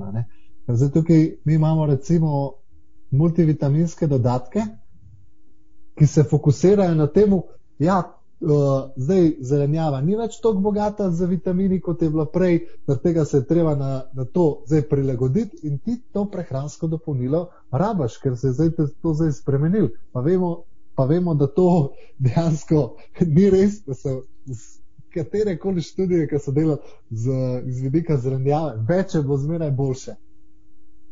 Uh, in tukaj zdaj, in predvsem to, to sem tudi v eni izmed svojih uh, uh, seminarjev oziroma webinarjev spostavil, kar se tiče multivitaminskih, da nimajo nobene znanstvene podlage za kakršne koli uh, učinke na, na zdravje, celo negativno pristop, kar se tiče določenih antioksidantov, kot recimo vitamin E. Uh, tako da je to zelo, zelo, zelo, zelo uh, kritično, kako se vse skupaj ta komunikacija uh, poteka. Ker nažalost smo izpostavljeni največ informacij o prehrani prav iz tega uh, mainstream medijev, ki se pa se dalje bolj temeljijo na tem pač nekem prihodku in nekdo, ki prodaja neka taka dopolnila, mu je to v največjem interesu, da širi svoj glas prek teh medijev. Uh, tako da največ, kar slišimo o prehrani, je od njih, nažalost, oziroma širša populacija. Se tukaj pa potem vstopi to, da ljud, danes je, ne razmišljajo ljudje več na nek znanstven način ali pa na kritičen način. Kar pograbijo, opažam, da kar pograbijo, nekdo nekaj reče in v to, kar verjamejo, na besedo mu verjamejo. Včasih me prav preseneti, kako pogosto se to dogaja. Veš, imaš neka gospa, pred kratkim sem to videl, ona govori, da jedra sodobnega človeka so za 70 odstotkov obremenjena. In ona to pove kot izjavo, in ljudje kar verjamejo in citirajo to njeno izjavo brez da bi se sploh kdorkoli vprašal, okay, kaj sploh to pomeni, da so 70 odstotkov obremenjena, mislim, kakšne ima to implikacije, tudi če je res, oziroma kaj sploh naj bi pomenilo. Drugič, kako si izmerila to in kje so tvoji dokazi. Ker na tej točki je edini dober pristop, samo tako kot angliži rečejo, oziroma kot je na internetu zdaj popularno, citations needed or get the fuck out, ne? tako da ne bomo, pardon my French. Ja. Ampak, ja. če ti noben ne postreže z nobenimi, z niti kančkom, niti da ne namiguje, da bi lahko za to obstajali kakršni koli dokazi, potem ga samo zanemari, nič drugega. Ampak ja, danes. Mislim, jaz, jaz ti bom tako mal, tukaj mal negiral, čisto te, te zve, eh, iz tega smisla, ker na to mi gledamo tako, kot gledamo. Ne? tež, težko se je tukaj zdaj postaviti v ene čevlje nekoga, oziroma širše populacije, ker ni tako zelo visoko izobražena kot smo mi, ker se ne zaveda, da ti tudi pre, prevedeš to svoje znanje iz prehranskega področja tudi kam drgam. Začneš malo bolj kritično razmišljati. Velika večina pa tega, temu ni bila izpostavljena. Tudi jaz, recimo, če pogledam čisto sam, samega sebe, Jaz, do, dokler nisem vstopil v drugi, tretji letnik uh, biotehnične fakultete, tega nisem imel razvito. Ne? Ni me noben tega naučil v osnovni šoli, ni me noben tega naučil v, v, v, v, v srednji šoli. Tako da je zdaj to iz vidika nekoga, ki tega take izobrazbe nima, oziroma še mogoče z kakšnimi drugimi nenaravoslovnimi vedami uh, ukvarja oziroma uh, študira, je to malo drugačno. Ampak takrat, ko vstopiš v drugi letnik fakultete, si star 20 let realno. Ja. To so pa ljudje, ki jih je življenje učilo, pa so stari 40-50 let. Jaz, ki se pogovarjam, mogoče z nekom, ki vsaj več približno poznati zadeve, oziroma ne nujno samo prehrano, pa, ampak da, da ima neko šir, široko sliko o tem, kako stvari v življenju potekajo. Je vsaj malo je skeptičen do teh stvari. Veš, se mi zdi, ja. da to, to smo zgubili. Da, da, da, da vse bistveno hitro, mogoče je to moja napačna slika, imam napačno predstavo, ker je moj vzorec ljudi, s katerimi se pogovarjam, eh, ni glih čist eh, random vzorec. Ne? Ja, ja. Ampak že to, kar smo na začetku izpostavili, da je, da je padel je ta nivoj tega kritičnega razmišljanja. Se mi zdi, da se potem to samo še odraža na ta ja. način plus zdaj si izpostavljam temu, uh, da na vsakem koraku v bistvu hoče nekdo nategniti oziroma ti vzeti nekaj iz tvojega žepa, par zelencev. Uh, če si z tega globalizacija je to uh, povzročila, oziroma živimo v takem uh, svetu, uh, kjer, bi, kjer bi si želel, da bi imel čim več dobrine. Uh, in večina teh dobrin izhaja zdaj iz nekega luksuznega uh, področja. Ne? Uh, tako da načeloma, jaz zmeraj pravim, osnovne tri funkcije oziroma probleme, ki jih je imel človek, so kaj boš jedel, kje bo spal in kakšno bo jutro vreme. To, je, to so bile tiste tri osnovne probleme, ki jih je imel človek pred uh, stoletji, tisočletji. Zdaj pa imamo tukaj kup enih drugih še zraven problemov, kar nam jih je modernizacija uh, upeljala. In ena izmed teh je tudi tem, da se začnemo ukvarjati z nekim svojim zdravjem in vse, vse skupaj. Uh, in ker je vse to skupaj uh, pogojeno s tem, kje dobivaš informacije in vse, je pa to tako, kot reče. Za nekoga je to zgolj en in edini ver informacije. Ne? Se ne ukvarja, oziroma se ne ukvarja s tem, kaj je on slišal vem, v srednji šoli ali pa v osnovni 40 let, 30 let nazaj. Mislim, ne vem, kaj sem govoril, roko na srce.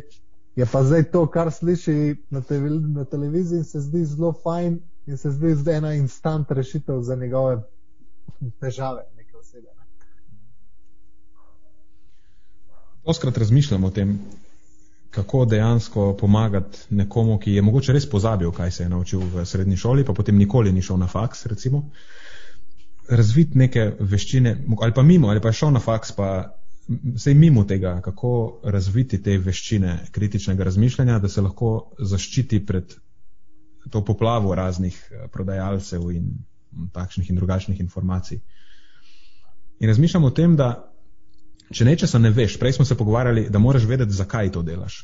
Ne, če nimaš zelo uprejemljivega znanja, zakaj to delaš, pa zakaj naj ti pomaga, se mi zdi, da je bolje, da se izogneš tega. Ne. Kljub temu, da bi ta stvar potencialno lahko imela nek pozitiven učinek, ampak kakšna je dejansko verjetnost, da ga bo zares imela? Ne, če ti to ne veš. Ker veš pa, da je zunaj poplava informacij. To so recimo informacije, s katerimi razpolagaš. In razpolagaš tudi z informacijami, da je večina teh produktov za nič. In če zdaj ti si izpostavljen enemu produktu, pa upošteva, da je šansa, da je ta produkt dober, nič cela nič ena, recimo. Ti pa dejansko ne veš, če je dober ali ni dober. Ne? To je tak čist statističen pristop. Je. Potem, če ne veš točno, je boljše, da se ga izogneš. Mislim, da je to vedno potem boljša heuristika. Ne glede na to, kako privlačno ti zveni, če nisi ziger, se ga pač izogneš. Če imaš čas, potem se greš izobraziti o tem, ali pa ga mogoče še krajša pot je, da ga prosiš, da ti predstavi dokaze, pa potem, če, če na koncu uspeš ugotoviti, zakaj je to tako, pa zakaj je smiselno, mogoče probaš, sploh če je cenovno dostopen, če ne, pa pač greš stran. Kaj misliš? Uh, jaz, se, jaz se s tem, kar ti govoriš, definitivno strinjam. Sam funkcioniram po tem pristopu in mi je tako, zadev, ki jih ne vem, dejansko ne kupujem. Tudi zdaj nekaj iz, mm, nekaj iz IT področja ali kako koli, karkoli se, se prodaja uh, se jih rajš izognem, ker tam nimam pojma in nimam niti časa, da bi preveril, kaj je zdaj, kaj je zdaj tukaj res, je to res dejansko znanstveno podprto ali kako koli in tega dejansko ne kupim. Ne. Uh, ampak problem je pri teh zadevah, ki so zelo cenovno dostopne. To je mogoče par, par evrčkov, deset, mogoče dvajset, veči, velika, velika večina uh, teh je to in to se potem na, na maso tako prodaja, tako da se ljudem, niti ko jaz se vidim, se ne da niti razmišljati, oziroma jim je to, ok, lej, to, to ni tako velik denarja. Uh, mogoče mi pa celo, celo pomaga, zakaj bi jaz zdaj tukaj zgubil ure, ker dejansko nekdo bi mogel zgubiti ure. Tudi ne vem, kako bi, recimo, moja mama, da je predpostavljam pred ta izziv, Uh, zdaj mi pa ti analiziri oziroma kritično ocen, kaj se lahko pri tem uh, celotnem uh, zgodi, v, ob celotnem njenem življenjskem slogu, ne, ki ga ima. Se to glih pravim, da ne rabiš imeti tega časa. Prej smo že omenili, da ni bližnic. Ne, če ti nekdo oglašuje bližnico, je že to dober indikator, da lahko greš v stran. Uh, Vsekakor jaz ne zagovarjam tega, da nekdo mora ure preživeti. Nikakor to bi bilo pač ali bi bilo samo naivno ali pa strašno neumno. Da bi probal zagovarjati hipotezo, da mora nekdo zdaj se izobraziti podrobno v nekem področju, na katerem kupuje neki izdelek. Ampak samo tako po zdravi pameti, veš, če ti nekdo prodaja bližnico, veš, da ni bližnic, ne nasedeš. Če pa že misliš, da bližnice obstajajo, pa jo s tem lahko dosežeš, veš, potem pa tudi vemo, da če hočeš po bližnicah, moraš imeti podrobno poznavanje. Torej, če hočeš res bližnico, potem najbrž moraš nekaj ur vložiti. Ker drugače ne moreš. Tako kot ne moreš voziti nekega hudega motorja, če nisi upravil vozniškega izpita za njim. Je samo nevarno. Ne? Jaz bi se rad svet, v katerem lahko vozim strašno hud motor brez vozniškega izpita, ampak tak, ta svet ne obstaja. In enako je v svetu prehrane. Ne obstaja svet prehrane, v katerem lahko hodiš po bližnicah brez zelo, zelo podrobnega poznavanja nekih osnovnih eh, prehranskih principov, rečemo temu. Ja, kot sem ti že prej povedal, to definitivno se, se strinjam v vsaki, vsaki besedi, kar si tukaj uh, zdaj povedal, ampak uh, nam praksa govori, da, da, da je to daleč od tega. Sej, bi... Absolutno, se pravim, kako dejansko naša naloga je. Ne, da, mogoče predstavimo to zgodbo na ta način, ker ta zgodba ni bila nikoli predstavljena na ta način, ampak je v interesu marketingarjev, da predstavljajo zgodbo, v kateri so bližnjice vsem na voljo.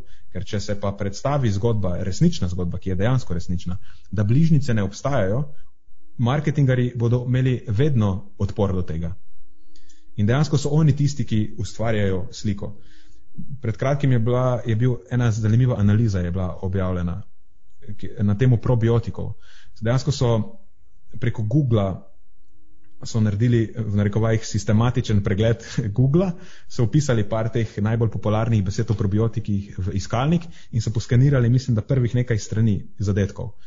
In so potem vsakega od teh zadetkov so jih najprej posortirali v kategorije, eh, recimo, a je to marketinški vir, a je nek um, državni vir, a je nevladna organizacija, a je veš, neodvisna organizacija, ki ne prejema sredstev, bla, bla, bla, v različne kategorije in potem so vsakega od virov ocenili, koliko je znanstveno korekten. In najbolj zanimivo mi je bilo to, da je bila večina njih pač ni bila v skladu z tem, kar znanost trenutno ve o tej temi. Tudi recimo pri, pri virih, ki so neke nevladne organizacije, pa nimajo nobenih interesov. Ampak tam kjer pa so bili interesi, recimo pri marketingarjih, je bilo pa pač nula, je bila, tako dobesedno nula. Nič, kar na tisti strani piše, ni bilo znanstveno korektno. Nula, prav nula je bila. Zelo dosledno, praktično pri vseh virih. No, kar je pa zanimivo, je pa to, da je večina poskeniranih virov so bili pa marketingari. A veš, bil je tu in tam kak vir, ki je, ne vem, neka inštitucija, ki se ukvarja z ozaveščanjem o mikrobioti, vemo, koliko jih je na svetu, glih tri po moje. Ampak imaš pa teh marketing probiotik strani milijavžant in je bila večina teh virov. To pomeni, da dejansko sliko trenutno, kot jo vidimo o zdravju, kot, kot javnost, splošna javnost, ustvarjajo marketingari in jo ustvarjajo z nekimi svojimi nameni, prodaje dopolnil in prodaje zgodbic, kako lahko hodimo po bližnicah in samo moramo kupiti ta en izdelek. In mislim, da iz, iz tega izvira, izvira ta, ta problem. Ne? Um, ker je dejansko splošna javnost je prepričana, da bližnice so eh, dosegljive. Tako da mislim, da mi kot eni, ki na tem področju funkcioniramo, ne rabimo ljudi izobraževati zelo v prehrani, pa da bodo vsi vedeli, kako biokemija funkcionira, pa fiziologija, pa veš, da ure in ure. Ampak samo jim moramo povedati neke splošne principe in moramo predstaviti, dati jim neke take uporabne heuristike, ki so. Um, ki, ki izvirajo iz nekega kritičnega pristopa, pa znanstvenega razmišljanja, da potem lahko zelo hitro na dnevni bazi uh, sprejmejo dobre odločitve. Uh, ja, mislim, mislim, da se in vi, pa dr. Phil Goodu, uh, in mi, pa spoznaj prehrano, trudimo v tem, kar se da v močni meri, da se čim bolj splošne informacije na razumljiv način uh, širijo.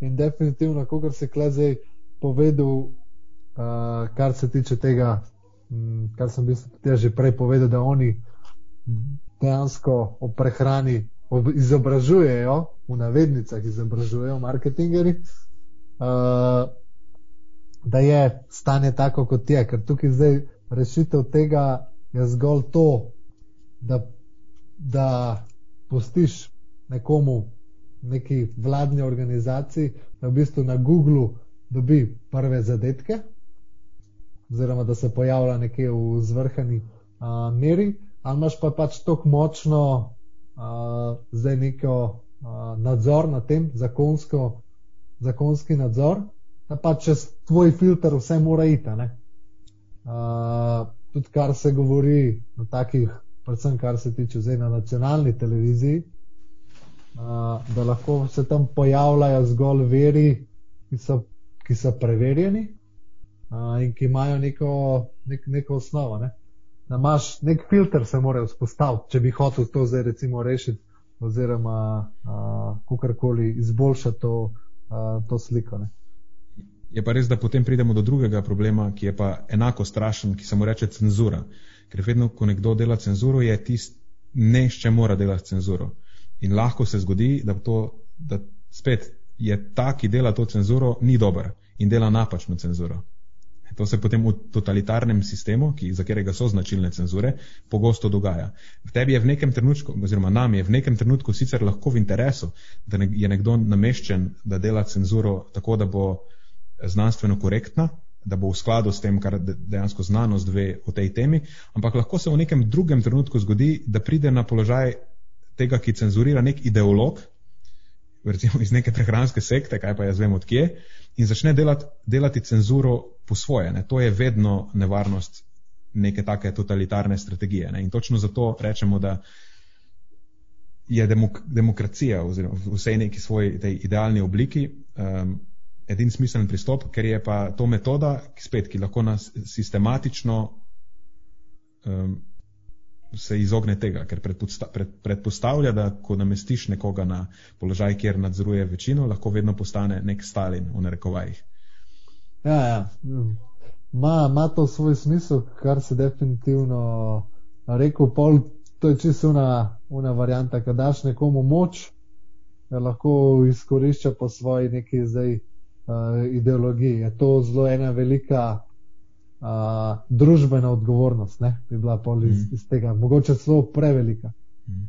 In meni se zdi čisto naivno pričakovati, da dejansko obstaja nek človek, ki ga, ko ga namestiš na položaj, kjer je on nad ljudmi, da, bo, da ne bo ga ta moč v narekovajih pokvarila. Meni se zdi to samo naivno, veš, to res obstaja v teh nekih, eh, kdo je popolni vladar, pa teh filo, filozofijah, ne verjamem pa, da v resničnosti to obstaja. Uh, mislim, to je tako, kot v znanosti. Ne obstaja najpopolnoma objektiven znanstvenik na svetu. pač ne obstaja samo. Noben od nas ja. ni zares objektiven. Uh, mislim, definitivno se zaradi tega je mogoče tukaj en tak pristop obrati, da nima ta organizacija celotne neke moči, oziroma da so možne neke pač pritožbe, ki jih nekako, tako kot je zdaj recimo sodni sistem, ne, mm. uh, vzpostavljen. Kaj imaš pač, uh, ne vem, krajino, više sodišče, uh, da imaš take, nek, nek tak sistem, ki to potlej zdaj pregleduje, uh, da ni zgolj, da nima zgolj en tisto moč, uh, ampak da je več teh organizacij, ker se seveda na znanstven način da to uh, potem pregledati, oziroma se lahko uh, za neki klejma. Ne. Uh, predvsem je pa tukaj problem, uh, da neke te regulative za te prehranske dopolnil sploh ni. Ne. Da je to zelo, da to zelo lajavo. Vse skupaj, tako da v bistvu lahko bolj kot ne skoraj vsak dela, kar hoče. Mm. Ja, to pogosto šokira ljudi, kaj jim to poveš da lahko pravzaprav res to, kar si omenil, delajo, kar hočejo, ne vsebujejo nekih želenih eh, substanc v takih količinah ali pa celo vsebujejo kar nekaj drugega, kar sploh ni zapisano na deklaraciji. Ja, mm, to, da rečemo, da ti mačka v žaklu uh, potakne, pa še da je ta maček, uh, da je ta maček gnil, ne? da te, ja. bo, da te bo še ugriznil. Uh, še poškodoval, ne lahko. Bog ja, ve, kaj je drugega zraven. Pa še kaj je še poleg mačka vse v tem žaklu noter še ne. Ja, ja. Pite Boga, ja. Uh, tako da, mislim, je to en zelo, zelo, zelo tak kompleksen uh, problem. uh, ker se mi lahko na, na žalost zgolj in samo pogovarjamo o tem. Jaz upam, da bi, da bi se kdaj lahko pogovarjali s tem, s komu drugmu, ki bi lahko naredil kakšen tak uh, sistem oziroma se kakorkoli vzpostavilo. Uh, upam, da pridejo kakšne te naše, uh, naše pogovori do koga, uh, kar lahko kaj uh, bolj politično spremeni, ampak uh, nažalost bo pa na nas ostalo to, da širimo to naprej. Uh, pa pravimo čim bolj kritično razmišljanje uh, ucepati ljudem, pa kar se tiče te osnovne principe v prehrani, čim bolj razširiti, kar se da. Ne? To je naše ja, poslanstvo. Kako se dobro? Ja, tako. E, ta trenutek se pač moramo zadovoljiti z dejstvom, da že zgolj širjenje teh idej in pa kritičnega razmišljanja pa upamo, da bo pač naletelo na neka všesa in na širšo javnost. Se pa vsekako strinjam s tem, kar si prej povedal. Nek, nek sistematičen mehanizem spet se mora vzpostaviti, ki bi mogoče ne nujno cenzuriral, ampak samo dal mogoče pečatnika, nekaj takega, veš, tako kot imaš te neke fact checkerje. Ampak da je res to ni neka organizacija, ki je ena sama, ampak da je sistematičen proces, tako kot si napisal, mislim, tako kot si rekel, sodstvo danes ali pa neka taka analogija temu, ki potem uh, čekira, koliko faktualno so te stvari uh, primerne in kako se jih mogoče lahko pozicionira tudi nekje, če je to neka oglaševalska stvar. Recimo. Ja, ja. Mm. Tam je pa to en kompleksen sistem, ki ga treba postaviti. Ja, ja, itak, itak, to je samo zaenkrat pač neka stvar, o kateri se mi tukaj pogovarjamo. Samo. Ja, to, to, to bi lahko rekel, da so to naše mokre sanje. Nisem hotel uporabiti teh besed. jaz, jaz, jaz, jaz, jaz, jaz, jaz jih kdaj uh, z veseljem tako uporabljam, tako da me, me ni sram. Ja, ni, ni problema. Bomo dali eksplicitno pod epizodo. to po mojem ni neka beseda, ki je nasplošno zelo problematična. Ne. Mm. Se prej, ne vem, če imamo čas o tem zdaj pogovarjati. Eno stvar smo prej omenili, ki se dejansko navezuje na to, s čimer smo eh, zdaj glih kar zaključili, so ti razni, mm, ki niti niso marketingari, ampak pač se v, komunicirajo v prehrani na tak in drugačen način in ob tem ne naredijo uh, domače naloge dobro. Ne? Mislim, da so tudi eh, ti akteri potem prispevajo no, k zmo, zmedi na področju prehrane lahko precej. Ker dejansko ja. padejo skozi to sito. Ti sicer lahko človeku rečeš, ej, če ti nekaj direktno prodaja, ampak včasih ti ljudje nimajo, vse prodajajo vsi nekaj. Ampak dosti krat pa nimajo dejansko namena eh, direktno prodati nekaj, ampak samo interpretirajo znanstvene raziskave variante. Ne? Ampak vemo, da to, da nekdo samo interpretira eno raziskavo, še ne pomeni, da ima znanstven pristop. Ja, de, de, definitivno. Ne. Lahko tudi tukaj se izrazimo, da je, mm, da je šolstvo tukaj pogrnilo, ne. da, da je nekdo prišel z nek, nekim takim pristopom, uh, ker recimo to je naloga šolstva oziroma izobraževanja, da se neki, neki taki principi, kot si jih ti omenil, uh, vzpostavijo pri nekomu. Uh, spet po drugi strani pa razmišljam, je pa celo recimo zdaj nekoga, ki se z marketingom ukvarja, je pa šolstvo dosegel svoj, svoj namen. Uh, tako da pač m, mm, je pol, nima veze, kaj prodajaš, ampak kako se stvar prodaja. Ne? Lahko prodajaš vodo. Kaj vemo, dobro. uh, kako se da to marketinško zgolj in samo vodo z, z soljo, bolj ja. kot ne prodajati. Ne? Ali pa brez, ja, ali, ali pa ja. brez soli. ja, brez soli. Ali pa brez raznih soli. Okay. E, to, je že preveč. Ne? Ja. Okay, dej, če mi počasi to stvar pripeljemo k koncu, še malo takih bolj. Čist zanimajo, kaj se, kaj se s tabo dogaja, kaj, kaj trenutno planiraš, mogoče v svoji bližnji prihodnosti, pa eh, pri spoznaj prehrano, kaj, v bližnji prihodnosti? Kakšni so vaši kratkoročni cilji, tvoji in vaši? A, ja, mislim, načeloma moj kratkoročni cilj Uh, mislim, jaz se ukvarjam s tem dosti časa, da si najdem naprej, uh, kar se tiče doktorskega študija. Uh, tako da se s tem nekaj časa ukvarjam, prijavljam na različne projekte, uh, bolj kot ne v, v tujini.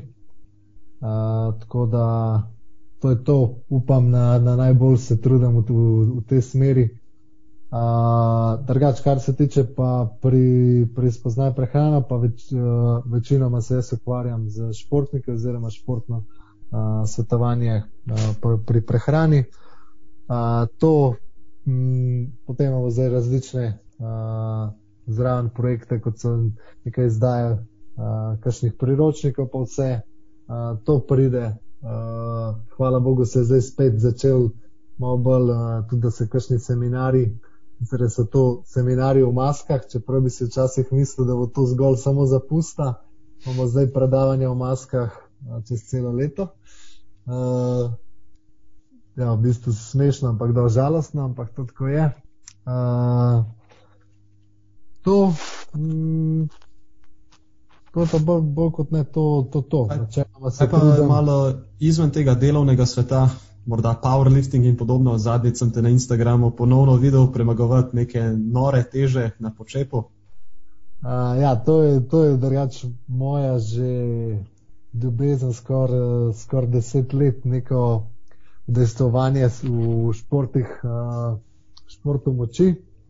Uh, tako da, predvsem pa tudi to mi omogoča neko aplikacijo nekih novih znanj uh, v šport tako da se mi zdi to en, en tak zelo dober pristop, da dejansko kar govoriš, sprobaš, uh, ker tudi hočeš, nočeš, prehrana gre ta z, z, športom oziroma telesno aktivnostjo uh, z roko v roki. Ne.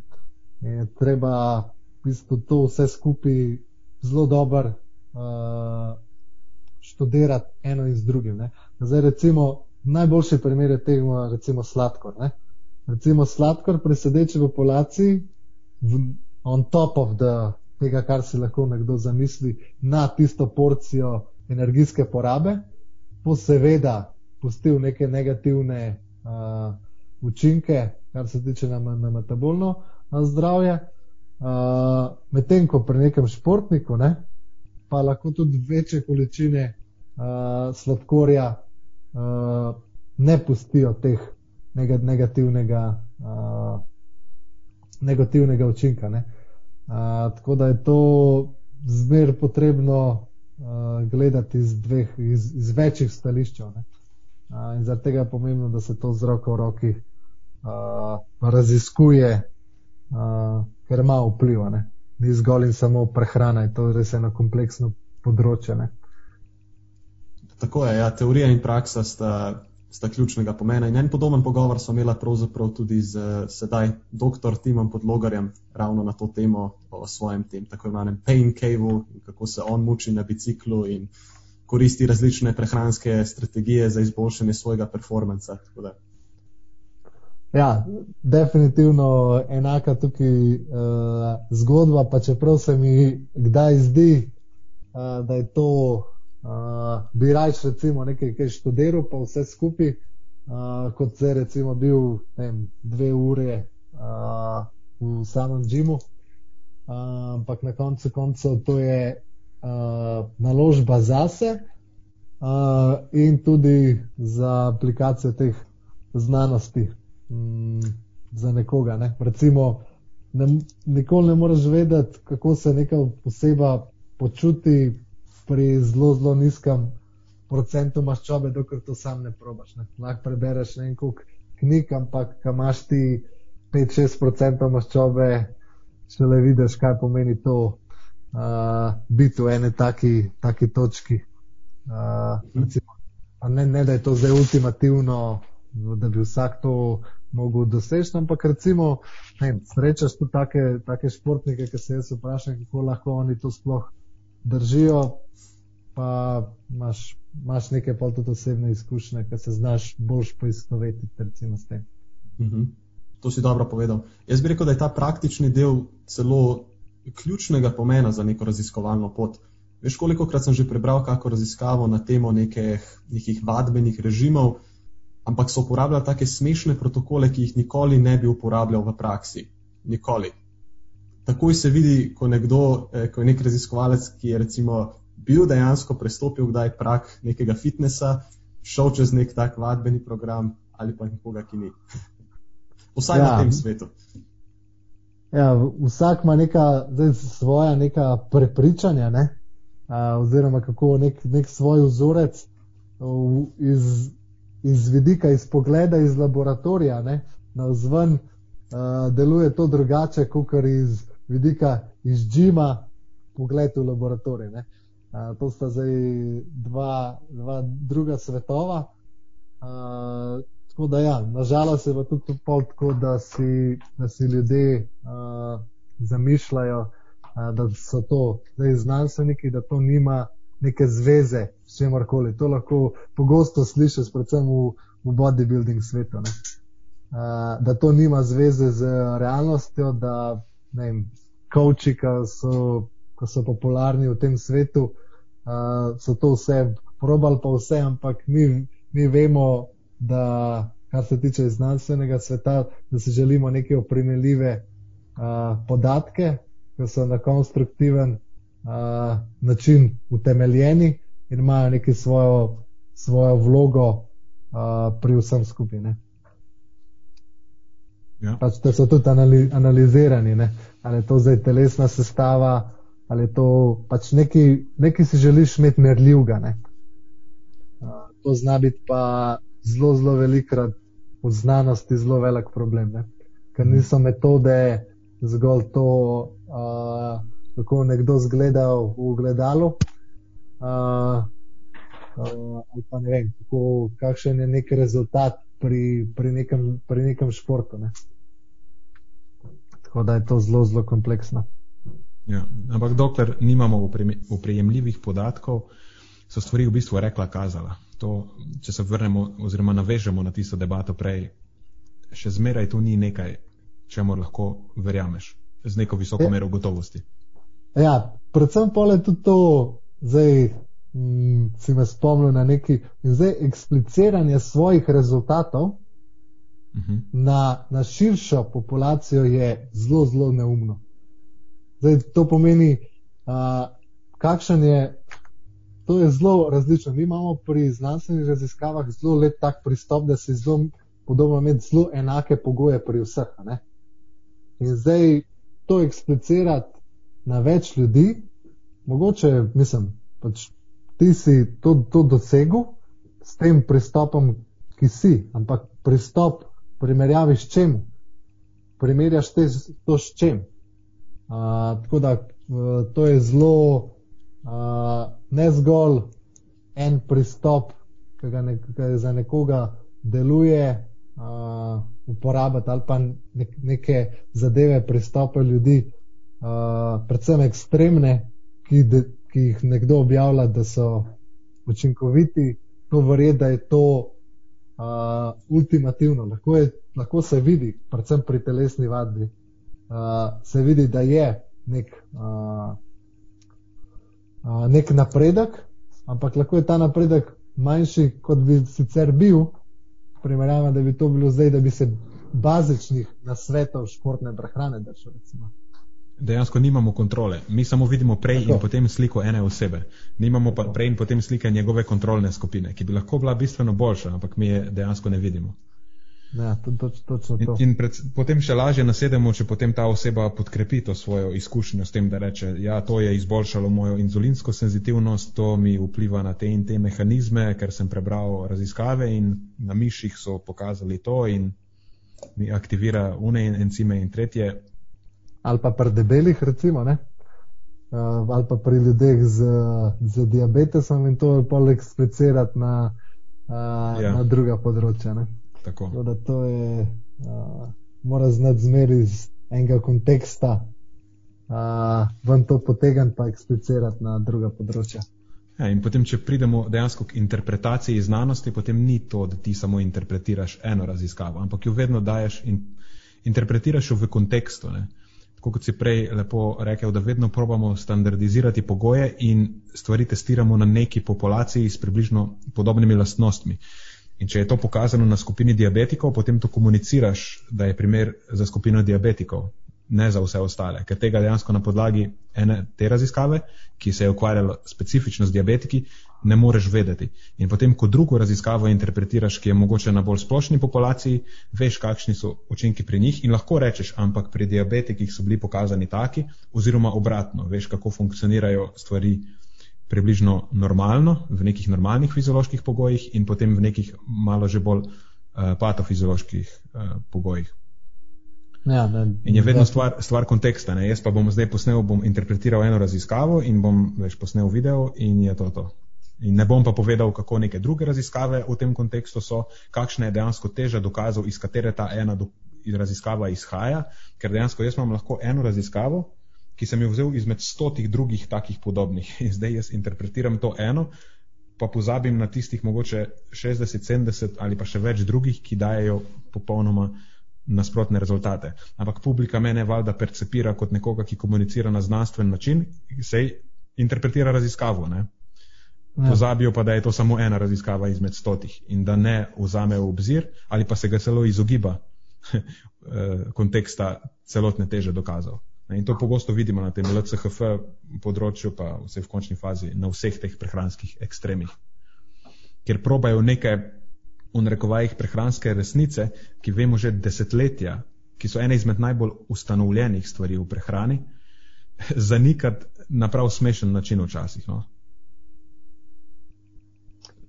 Ja, se definitivno tukaj strinjam, uh, strinjam s tabo, uh, da, da se zraven dela, uh, se hoče vsak znanstvenik si želi nekaj novega odkriti. Ne? To je hvala Bogu prav, da gre to tako, da se poskušajo nek, neki novi pristopi, da se probajo neke hipoteze uh, pač ugotoviti, da držijo ali ne. Uh, ampak problem je v tej interpretaciji, uh, pa vsem skupaj. Kot recimo tudi, uh, uh, kot vidimo, uh, za neke, recimo, to veliko pri teh prehranskih uh, pri prodajalcih prehranskih dodatkov. Vidiš, ja, to imajo tudi rakavi, rakavi bolniki, če za bolnike dobro, je tudi pol za, recimo, za športnike in, uh, in podobno. Uh, pa recimo vemo, da temu, da temu ni tako. tako da to uh, razširiti zdaj delovanje nečesa ali pa nekega pristopa na širšo populacijo je zelo zmotno. No, všeč mi je, kako smo prešaltali iz teh eh, tako imenovanih lahkih tem, takoj nazaj na naše filozofiranje. Mogoče se lahko za konec eh, vrnemo še na kako malo lažjo temo. A bomo malo o beljakovinah malo povedali? Ali imaš kaj lahkega na temo beljakovin? Imam. Na temo, na, temo, na temo beljakovin dve zadevi sta najbolj važne: kvantiteta in kvaliteta. Okay tukaj ni zdaj, da je ena pred drugo, uh, ampak je v bistvu zdaj količina oziroma kvantiteta dosti povezana z, z kvaliteto. Uh, da se tukaj malo bolj navežem, uh, kot smo že prej povedali, uh, je ta uh, količina beljakovin, kvantiteta zelo odvisna od, od, same, od same populacije. Zdaj, če gre za neko uh, sedečo ali za neko aktivno. Uh, to kvantiteto so potem razdelili na to, na, uh, na količine pri samem izvedika enega obroka. Uh, in potem, kar se tiče kvalitete, je dosti povezan z samim virom, uh, oziroma samo uh, absorption kinetics, kot mi pravi, oziroma digestion za samo prebavljivost in samo uh, ravnjo samo, same absorpcije. Uh, in tudi pač aminokislinskega profila, seveda. Uh, ampak tako zelo, zelo na hiter uh, povedan uh, je tako, da kar se tiče tistih starih pristopov, ki so še zmer v današnjem šolskem sistemu, še zmer na uh, na ravni dušikove bilance merjenja beljakovin, oziroma potreb po beljakovinah, so, so dokaj zastarani. Uh, in zdaj, recimo, pristopi, kot so uh, merjenje uh, same, same oksidacije oziroma uh, določenih substratov, ki jih damo, so to prekašali in z njimi lahko dobimo bolj natančne informacije. In zaradi tega se tudi recimo ta raven se v nekaterih primerjih uh, dvigala. Zdaj recimo vemo, da je 0,8 za nekakšno splošno populacijo, uh, z temi metodami so bili ugotovljeni približno okrog grama, uh, pa vemo, da lahko to tudi uh, se, po, se poveča, medtem ko pri kršnih populacijah bo je recimo to dvakrat več, recimo pri uh, kot je recimo kakšni športni populaciji.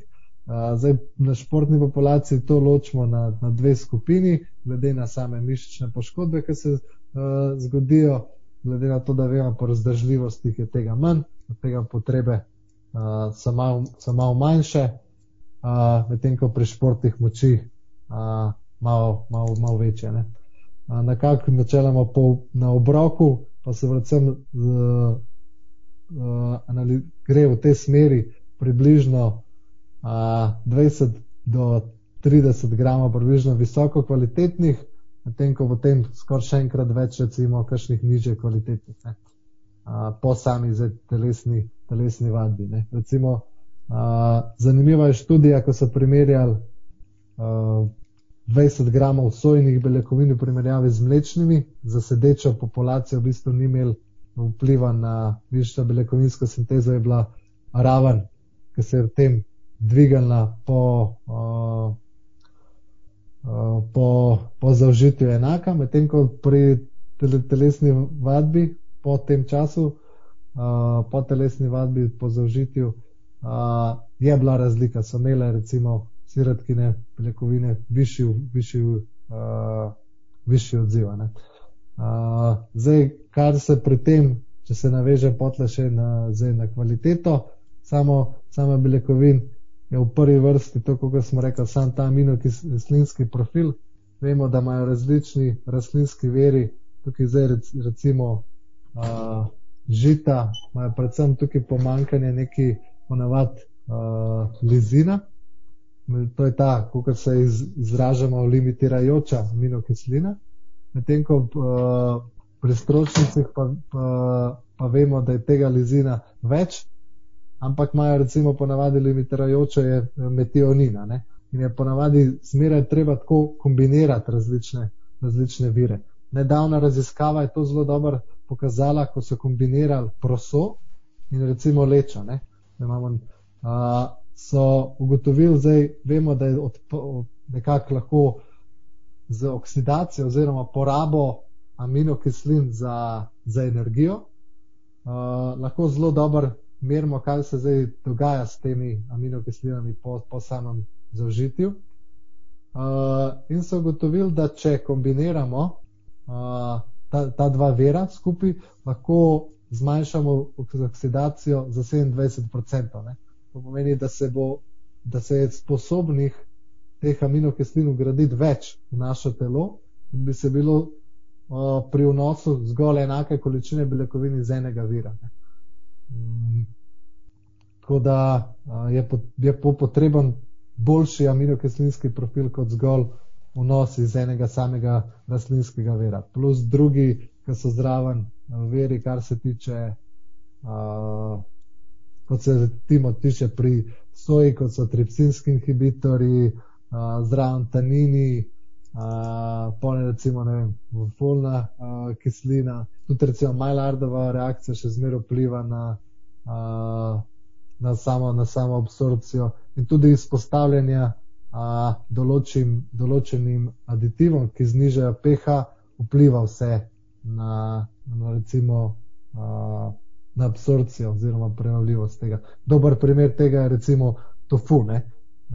To je bilo zdaj zanimivo, ko smo se s Kristjanom Španom, šel out za njega, uh, pogovarjali o tem. Uh, me je zanimalo, zdaj zakaj. Ne? Zakaj ima recimo boljšo prebavljivost uh, sojni izolat, kot recimo uh, tofu. Uh, in sem prišel do, do dognanja, da sami produkciji uh, tofuja zraven uporabljajo določene aditive, ki za koagulacijo uh, in tudi ki znižajo pH. Uh, in potem to vpliva na samo, na samo prebavljivost uh, uh, tega. Ne. Tudi pH recimo malo zamenja orientacijo iz L, uh, L-orientat oziroma levo uh, orientiranih aminokislin v, v desno. Ne. Uh, in je tudi to pol za en, to se mi je zdela taka zanimivost, ko malo za izpostaviti, uh, ki vpliva na vse to. Tako da je uh, dokaj enostavna rešitev kombiniranja različnih virov rastlinskih beljakovin, uh, ki pa ima zraven eno zelo, zelo kompleksno zadevo, ki se pa da uh, tukaj rešiti z recimo nekim namakanjem oziroma uh, kuhanjem, da se te strukture, uh, kot se recimo trip, tripsinski inhibitorji v soji, uh, da se recimo zmanjšajo. Potem je potencialno zelo dober vir sojnih beljakovin je tempeh, ki je fermentiran izdelek iz soje. Uh, ja, načeloma, mislim, definitivno. Te tripsinski inhibitori se, količina leteh se, se zmanjša. Mm. Mm, tu imaš da... dejansko sojo, ki ni samo, da je namakana pa kuhana, ampak je še odfermentirana. Ja, mm, super. Mislim, predprebavljena je v bistvu. Ja, uh, tako da, tako da ja. Mm, to je to, uh, kar, se, kar se tega uh, tiče, uh, na hiter. Okay. Mogoče samo postavimo v kontekst, zakaj smo zašli točno v to temo, to zelo fascinantno temo, ki si jo zelo dobro predstavil, Žan. Uh, eno izmed specialnih področji, če se lahko tako izrazim, žanovega raziskovanja so ravno, ravno presnova beljakovin. Uh, Zato ste danes tudi slišali izraze, kot so nabolna rezistenca, pa omenjanje Maastricht univerze, odkuder prihajajo številne zanimive teme. Samo tako, eh, malo v kontekstu vsega skupaj. Eh, torej, omenil si kvantiteto, pa kvaliteto. Še ena stvar, v katero se pogosto upičimo, pa je nek timing, neka distribucija. Kako pomembna se ti pa ta zdi za, za generalno populacijo? Z, z vidika generalne populacije ima dokaj ni, ni zelo, zelo pomembna, no, bomo tako rekli. Ma nek svoj, svoj, svoj pomen, ampak uh, je bolj pomemben celokupen odnos kot zgolj uh, nek timing. Medtem ko pri nekomu, ki si želi više cilje, ki si želi neko izboljšati uh, svojo telesno uh, kompozicijo, ki želi boljše neke regeneracijske sposobnosti, zdaj iz vidika športne zmogljivosti potem pa to definitivno zelo pomembno. Uh, predvsem ta se je pokazala distribucija uh, približno na vsake 3 do 4 ure z nekim večjim vnosom pred samim spanjem počasi prebavljivih, uh, prebavljivega vira, kot je zdaj recimo uh, kazein. Veš, kaj me zanima? To je čisto hipotetično. A je ta distribucija, a je predpogoj za to, da ta distribucija ima definitivno, definitivno potem tak učinek, ki ga hočemo, da je boljša napram manj distribuiranemu vnosu beljakovin, to, da zbiraš vire beljakovin, ki so hitreje prebavljivi? Uh, pa da ne pretiravaš pri enem samem obroku. Uh, na to vprašanje uh, bom znal, po mojem, čez kakšne leta ali pa dva ti odgovoriti, ker okay. prihaja ena taka okay. zadeva ven. Uh, ampak dejansko znanstvenega odgovora na to točno ni. Zdaj, kar mi vemo, je to, da to imenujemo muscle full response. To pomeni, da po zauživanju, zdaj recimo uh, nekaj hitre pa prebavljivega vera, uh, v količini zdaj recimo 20 do 40 gramov, mišična beljakovinska sinteza na najvišjo raven naraste po približno eni uri, medtem ko po 3-4 urah potem upade. In ni pomembno, študije so pokazale, tudi če zdaj klej vmes, ko kar ima eni ideje, uživaš le v cilj, uživaš HMB vmes, da bo to še pol kar potem zvišalo ali kaj podobno. Neke, neke take fantazije uh, so imeli eni, ki so jih potem uh, tukaj zdaj negirali, oziroma jih znanost lepo uh, negira, in pol po 3-4 urah je spet priložnost. Zdaj, tvoja logika se pa zdi, zdaj, da bi jih več, kako bi to vplivalo na daljšo, na daljšo obdobje. Uh, tako da bo se kmalo poj, pojavilo tudi to uh, odgovor na samo to vprašanje. Mhm. Razmišljam čisto tako, ker vemo približno, kako se viri beljakovin, kako dolgo pa kako počasi recimo, se prebavljajo. Ja. Že, že sam way, koliko je maksimalno na uro gre waya skozi, da se prebavi in absorbira? A je nekih 10 gramov? Ne, načeloma, jaz tega, tega, tega podatka še nikoli nisem zasledil, da bi, kakšna je. Kakšna je Dej, bom, bom jaz probal to. Mislim da, mislim, da imam nek članek na to temo. Okay. Ko bom probal izbrskati, ok, bomo to naslednjič. Na, načeloma, uh, kakšna je ta kapaciteta teh, uh, zdaj, m, načeloma približno od 50 do malo čez 60 se je uspešno zdaj prebavljivosti nekih zdaj uh, mlečnih frakcij, to pomeni zdaj aloveja ali kazeina oziroma izolata mlečnih beljakovin, uh, ki recimo se pojavlja potem v krvnem obtoku. Uh -huh. uh, recimo mlečne beljakovine jih je največ, se pojavi potem v krvnem obtoku. Uh, Vse vemo na koncu, da prebavijo se itak vse, ne. mislim, ne glih vse, dobesedno vse, ampak večina se jih prebavi in absorbira.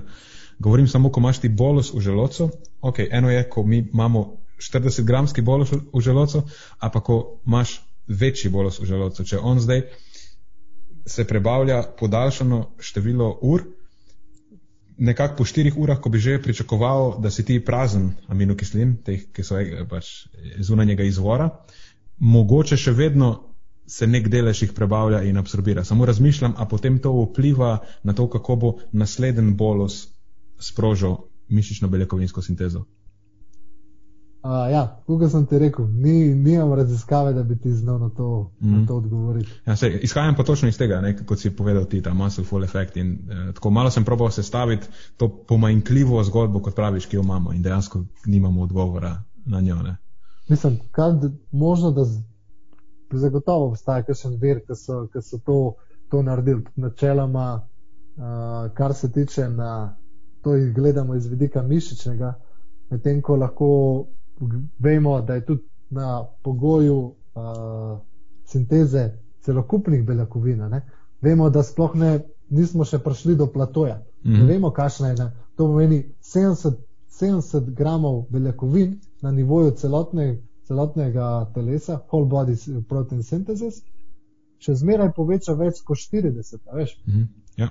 zdaj, mi, mi recimo na mišičnem nivoju smo prišli do tistega plato. Zdaj pa ne vemo, ali se bo teh 70 gramov, če jih povečamo na 100, ali bo to še boljše. Ali je to sploh potrebno, kaj, kaj se dogaja s temi uh, aminokislinami. Ne? Mi vemo na, na nivoju celotnega uh, telesa, ker to lahko merimo, ne vemo pa zdaj, kaj se dogaja na nivoju določenega tkiva. Mm -hmm. Tega se pogovarjamo ali v mišičnem ali v določenem čem drugem. -hmm. Zdaj, zato enkrat so se v preteklosti že z Matjažem o tem pogovarjali, koliko je dejansko ta časovna razporeditev pomembna ali pa ne. Um, še ena stvar, ki si omenil, dejansko ne, sproži se sinteza beljakovin uh, v odvisnosti od količine beljakovin pri obroku pa spoh ne vemo, koliko je zgornja meja dejansko zelo zagotovo. In potem vsak vadba, naprimer, tudi poveča mišično beljakovinsko sintezo. Ne. Me zanima, a je pol, a je možno, da se beljakovine, ki so bile, ki zdaj v nekem eh, pulu obstajajo, potem prispevajo več k povečani sinteze mišičnih beljakovin na, v nekem bavtu vadbe. Načeloma študija, ki mislim, uh, Areta in sodelavci iz Avstralije so, so naredili v 12 urah po telesni vadbi, so imeli tri vzorce. Ne? So imeli, ko so na vsake tri ure uh, jedli 20 gramov, potem so imeli skupino, uh, ki je zaužila na vsako uro 10, uh, pa skupino, ki je zaužila dvakrat po 60. Ne? Na koncu so imeli vsi v nos 120 gramov beljakovin v 12 urah in so ugotovili, da ta uh, enakomerno razporejena preko te časovne enote, da je to najboljša. Ne? Torej, Mhm. zdaj v tem, kar si ti, da se naveže na tisto tvojo hipotezo, da bi bilo teh 60 gramov, ko se jih užil dvakrat, to lahko zdaj negiram do te mere, da, je- da je definitivno boljše enakomerno razporediti kot dvakrat po 60. To, to znanstveno moč imamo. Uh, Kakšni meri je pa zdaj to uh, učinkovito? Definitivno jaz mislim, da boljš kot uh, da bi recimo na vsake 6 ur jedel po, po, po 20 ali pa 30 gramov, po mojem je, Mhm. uh, ampak uh, znam ti pa na to čisto odgovoriti. Mhm. Ja, se imaš prav, to je v bistvu, Are- Areta je klasična, klasična raziskava na to temo. Ja, ja, uh, mislim, bolj, to je pa pol še ena raziskava, ki se na, na to ukvarja, oziroma zdaj je še ena še prišla z pomenom zajtrka, uh, pa samo distribucijo preko dneva. No. Tako Da, Mhm. m, tega, teh raziskav ni glih ogromno. No. So dosti z vidika metodološkega, uh, dosti metabološko problematične. No. Tudi stane vse skupaj. Veliko je prem- premikajočih se delov, ne, dejansko, Ja. jih moraš vzeti v obzir. Mm, Tako da, tako da je to. Tako da realno, v bistvu, za zaključek, kdo misliš se mora ukvarjati z to distribucijo? Pa, a je razlika, če bodo tri ali pa štirje ali pa pet? Uh, misliš obrokov? Ja, beljakovinskih hranjenj. Recimo, če bi Uh, mogel povzeti tako z neko izmišljenim odstotkom, koliko še dodatnega benefita lahko dobiš, recimo, če si beljakovinska hranjenja razporediš tako, da jih iz tri povečaš na pet. Ker včasih si ljudje mislijo, da je to eh, bistvena razlika, bo zdaj, ker to je vseeno, ali so tri ali pet, je dvakrat več. Predstavljajo si, da bo to Skoraj. Ja. Ja, da bo to zdaj vsaj za 50 odstotkov povečalo njihov prirast mišične mase. Ne, za, za, nekaj, za, nekaj, za splošno populacijo to ni za tri hranjenja, za beljakovine z, večjo kapaciteto, to čist, uh, čist ok. Uh, za, za nekega športnika pa bi znala biti minimalna razlika, ki je tudi zelo težko, tudi verjetno z raziskovalnimi metodami se tukaj ugotoviti. ne. Mm. Uh, to, mm, če zmer, če imamo enak vnos bel, samih beljakovin. ne. Uh, jaz mislim, da neka razlika je, sodeč po teh akutnih študijah, ne, Mhm. ki so merjene mišične beljakovinske sinteze, ampak to gotoviti zdaj, da se bo to poznalo na prirastku neke mišične mase na, na dolgi rok, se bo to, uh, to kompleksni procesi, pa enostavno metode merjenja, zdaj telesne sestave niso tako zelo uh, senzibilne. No. Predvsem ne deksa, bioimpedancna, mogoče CT pa magnetna resonanca uh, sta bolj senzibilna. No. Tako da, Ampak v končni fazi se v najboljšem primeru najbrž pogovarjamo o nekih procentih. Ja, v, v enih takih ščepcih lepo. Imam pa eno repliko, pardon, ker vaju prekinjam. Sem odprl študijo v Darete. Pri njih so v bistvu trenirali preden so jim dajali boluse. Ne? Ja, No, Moje vprašanje se je nanašalo, kaj pa, če bi jim dali prej bolus in bi potem trenirali. A veš, kaj hočem Ja. reči? A so beljakovine, vem, ki so v bazenu dejansko uporabljene? To je, to je bilo prej moje vprašanje. to uh, dve študiji, ki sta, ki sta to dejansko dela. Ena je Zihar poznaš od Schoenfelda pa od Aragona, ki sta imela prej ali potem, ne? Uh -huh. sta ugotovili na, na meritev telesne sestave, da ni nobene razlike. Zdaj, sicer ta študija iz meteorološko ima kar velik, velik, velik problem, ampak recimo, da lahko odgovorimo, da v 12 tednih ne bo nobene razlike. Uh, zdaj, tudi če boš jedel zdaj ali prej nek, neko porcijo beljakovin ali pa po, ne? še zmer bodo te uh, aminokisline v tem presnovnem bazenu, iz katerih se bo lahko zgradil. Tega tudi jaz pravim, da dodajanje, ali zdaj to esencialnih aminokislin ali pa BCA med, samim, med samo vadbo je nepotrebno. Tega, ker mi imamo že iz predhodnega obroka aminokisline v samem krvnem obtoku, s katerih se bo pač izgradili. In mi tudi, recimo, ta, ta študija, ki sem jo tudi na naši prvi konferenci a, pokazal, je, da lahko mi še zmer pozitivno a, beljakovinsko bilanco med uh, sintezo in razgradnjo ohranjamo, če, če jemo zdaj pred samo telesno vadbo, uh, do, do konca telesne vadbe, oziroma tudi uro po njej, če jemo. Ne? Tako da Mhm. tisto v presnovnem bazenu se bo tudi, recimo, ko se zgolj nekdo predstavlja, zgolj vadba je kataboln, katabolna, ne? Od tega hočeš to preprečiš, ne, imaš ti še prej vere, oziroma sub, substrat za izgradnjo mišičnih beljakovin, tudi med samo telesno vadbo. Ne. Mhm. Te procesi takrat niso zdaj, da bi bili zgolj zavrti. Ne. Če bi bili zavrti, to ne bi bilo mogoče. Ne. Res je, vadba poveča a, razgradnjo, ampak poveča tudi sintezo. Ne. Mhm. A, tako da sta to, da oba dva procesa deluje. Ja. Ej, mislim, da počasi je čas, da mi to pripeljemo k koncu. Po mojem se pogovarjamo, po, po mojem se pogovarjamo že skoraj dve uri. Ja. A Uh, ne vem, kdo nas bo poslušal, ampak ja. Ja, je bilo kar zanimivo, no? moram reči. Vsaj zelo meni. Zanimivo. Zelo zanimivo. Matjaš, a imaš še kakšno vprašanje za, za Žana?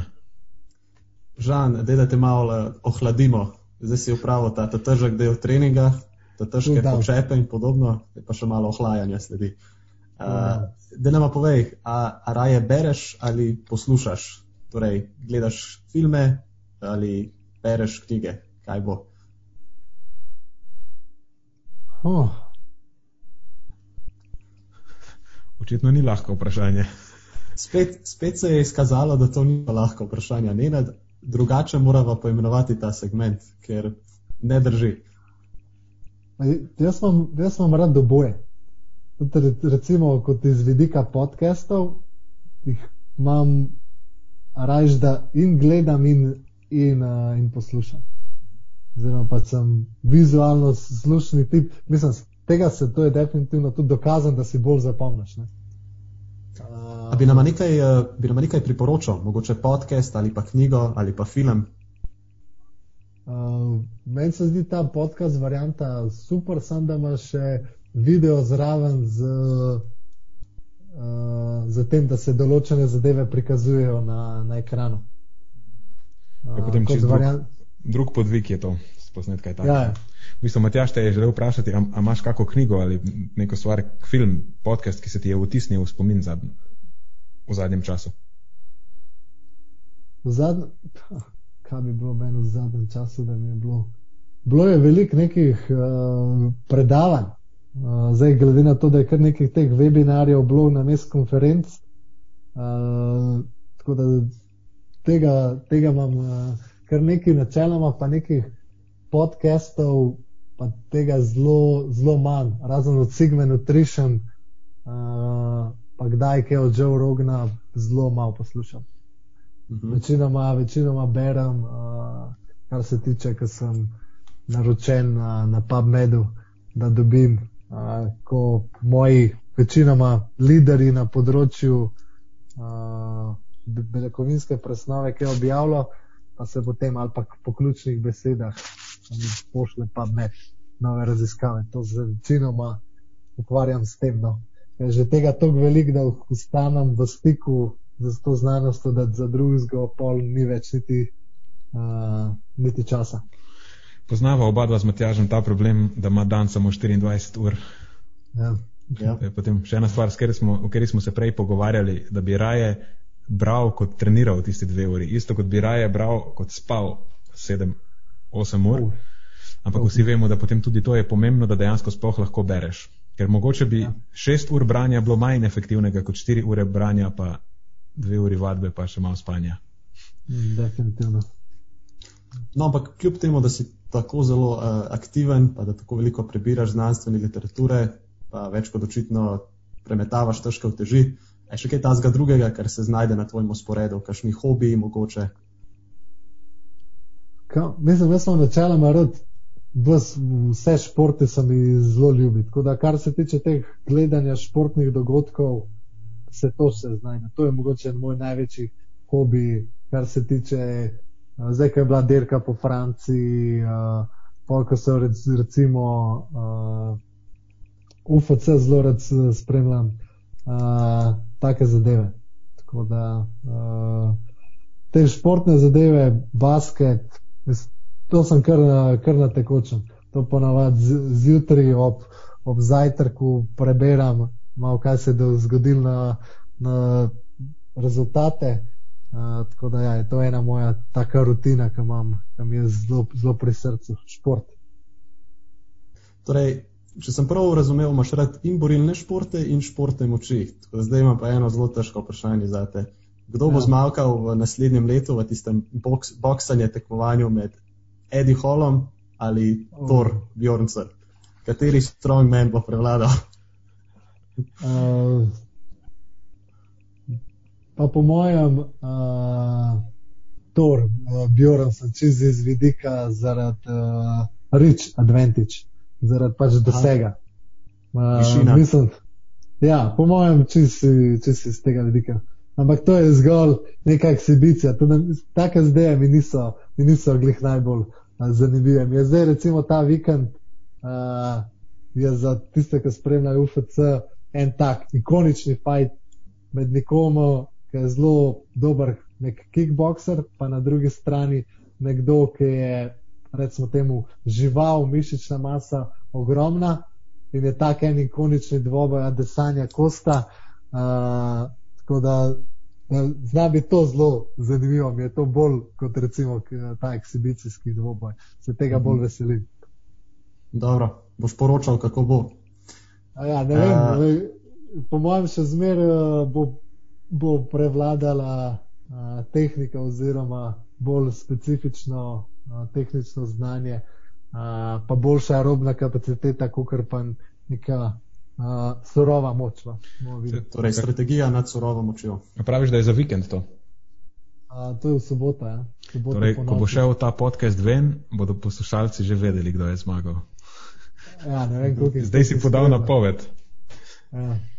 Bom videl, bom uh, sem pogrnil, ali se mi bojo smejali, aha, ali bo. Ne, ne bodo, ne bodo.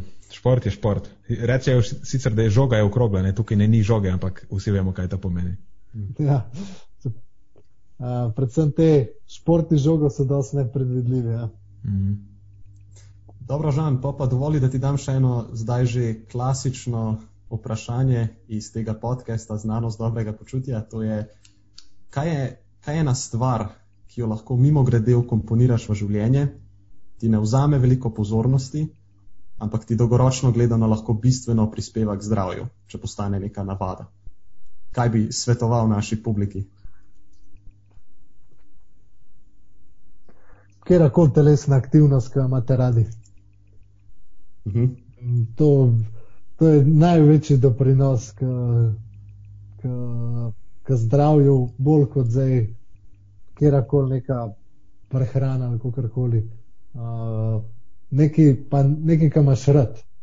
Uh, ali je to kar, karkoli z vidika telesne aktivnosti na dnevni bazi, uh, bo to najbolj, če, če, če se s tem že ne ukvarjate. Upam, upam da se. Uh, tako da je to. Ja, definitivno se strinjam. Zelo dober point, in tako to mi dva tudi vedno poudarjava. V bistvu je to zdaj že vzorec na tej epizodi. In okay, mislim, da je super pomembno si ga je zapomniti. Ko, ko, ko ti trije nutricionisti povejo, da je fizična aktivnost bolj pomembna kot prehrana, mislim, da je pol smiselno poslušati. No?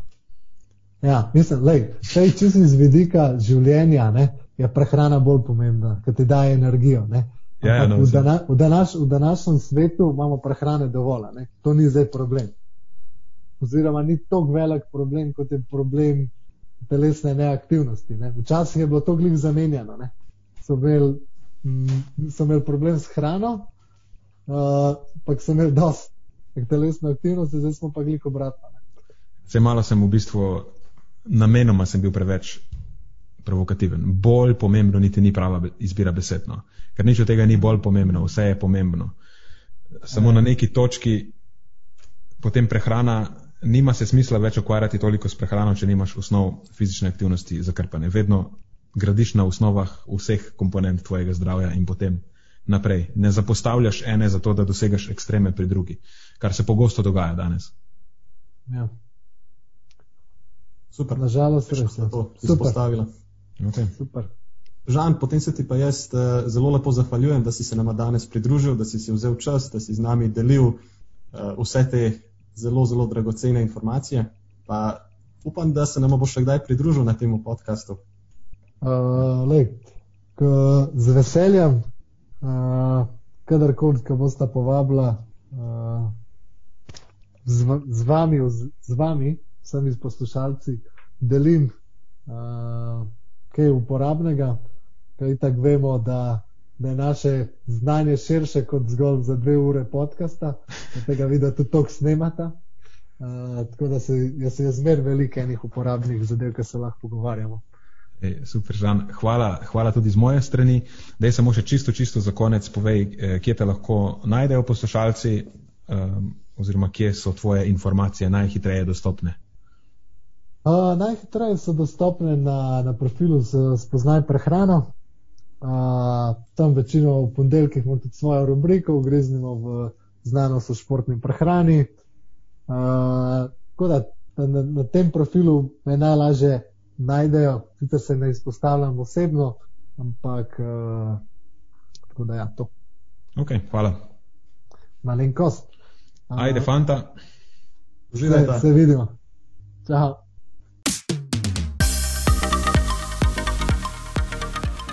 To je za tokrat vse iz naše strani. Hvala, ker ste poslušali do konca. Če mislite, da je bila današnja epizoda pomembna, jo prosim delite s svojimi znanci in prijatelji in jo priporočajte dalje, saj s tem omogočite, da doseže čim večjo množico. Hvala vsem, ki nas podpirate s članarino in tudi vsem ostalim, ki delite podcast dalje in nam izkazujete naklonjenost z visokimi ocenami in pozitivnimi komentarji. Se slišimo prihodnjič, do takrat pa Ostanite premišljeni.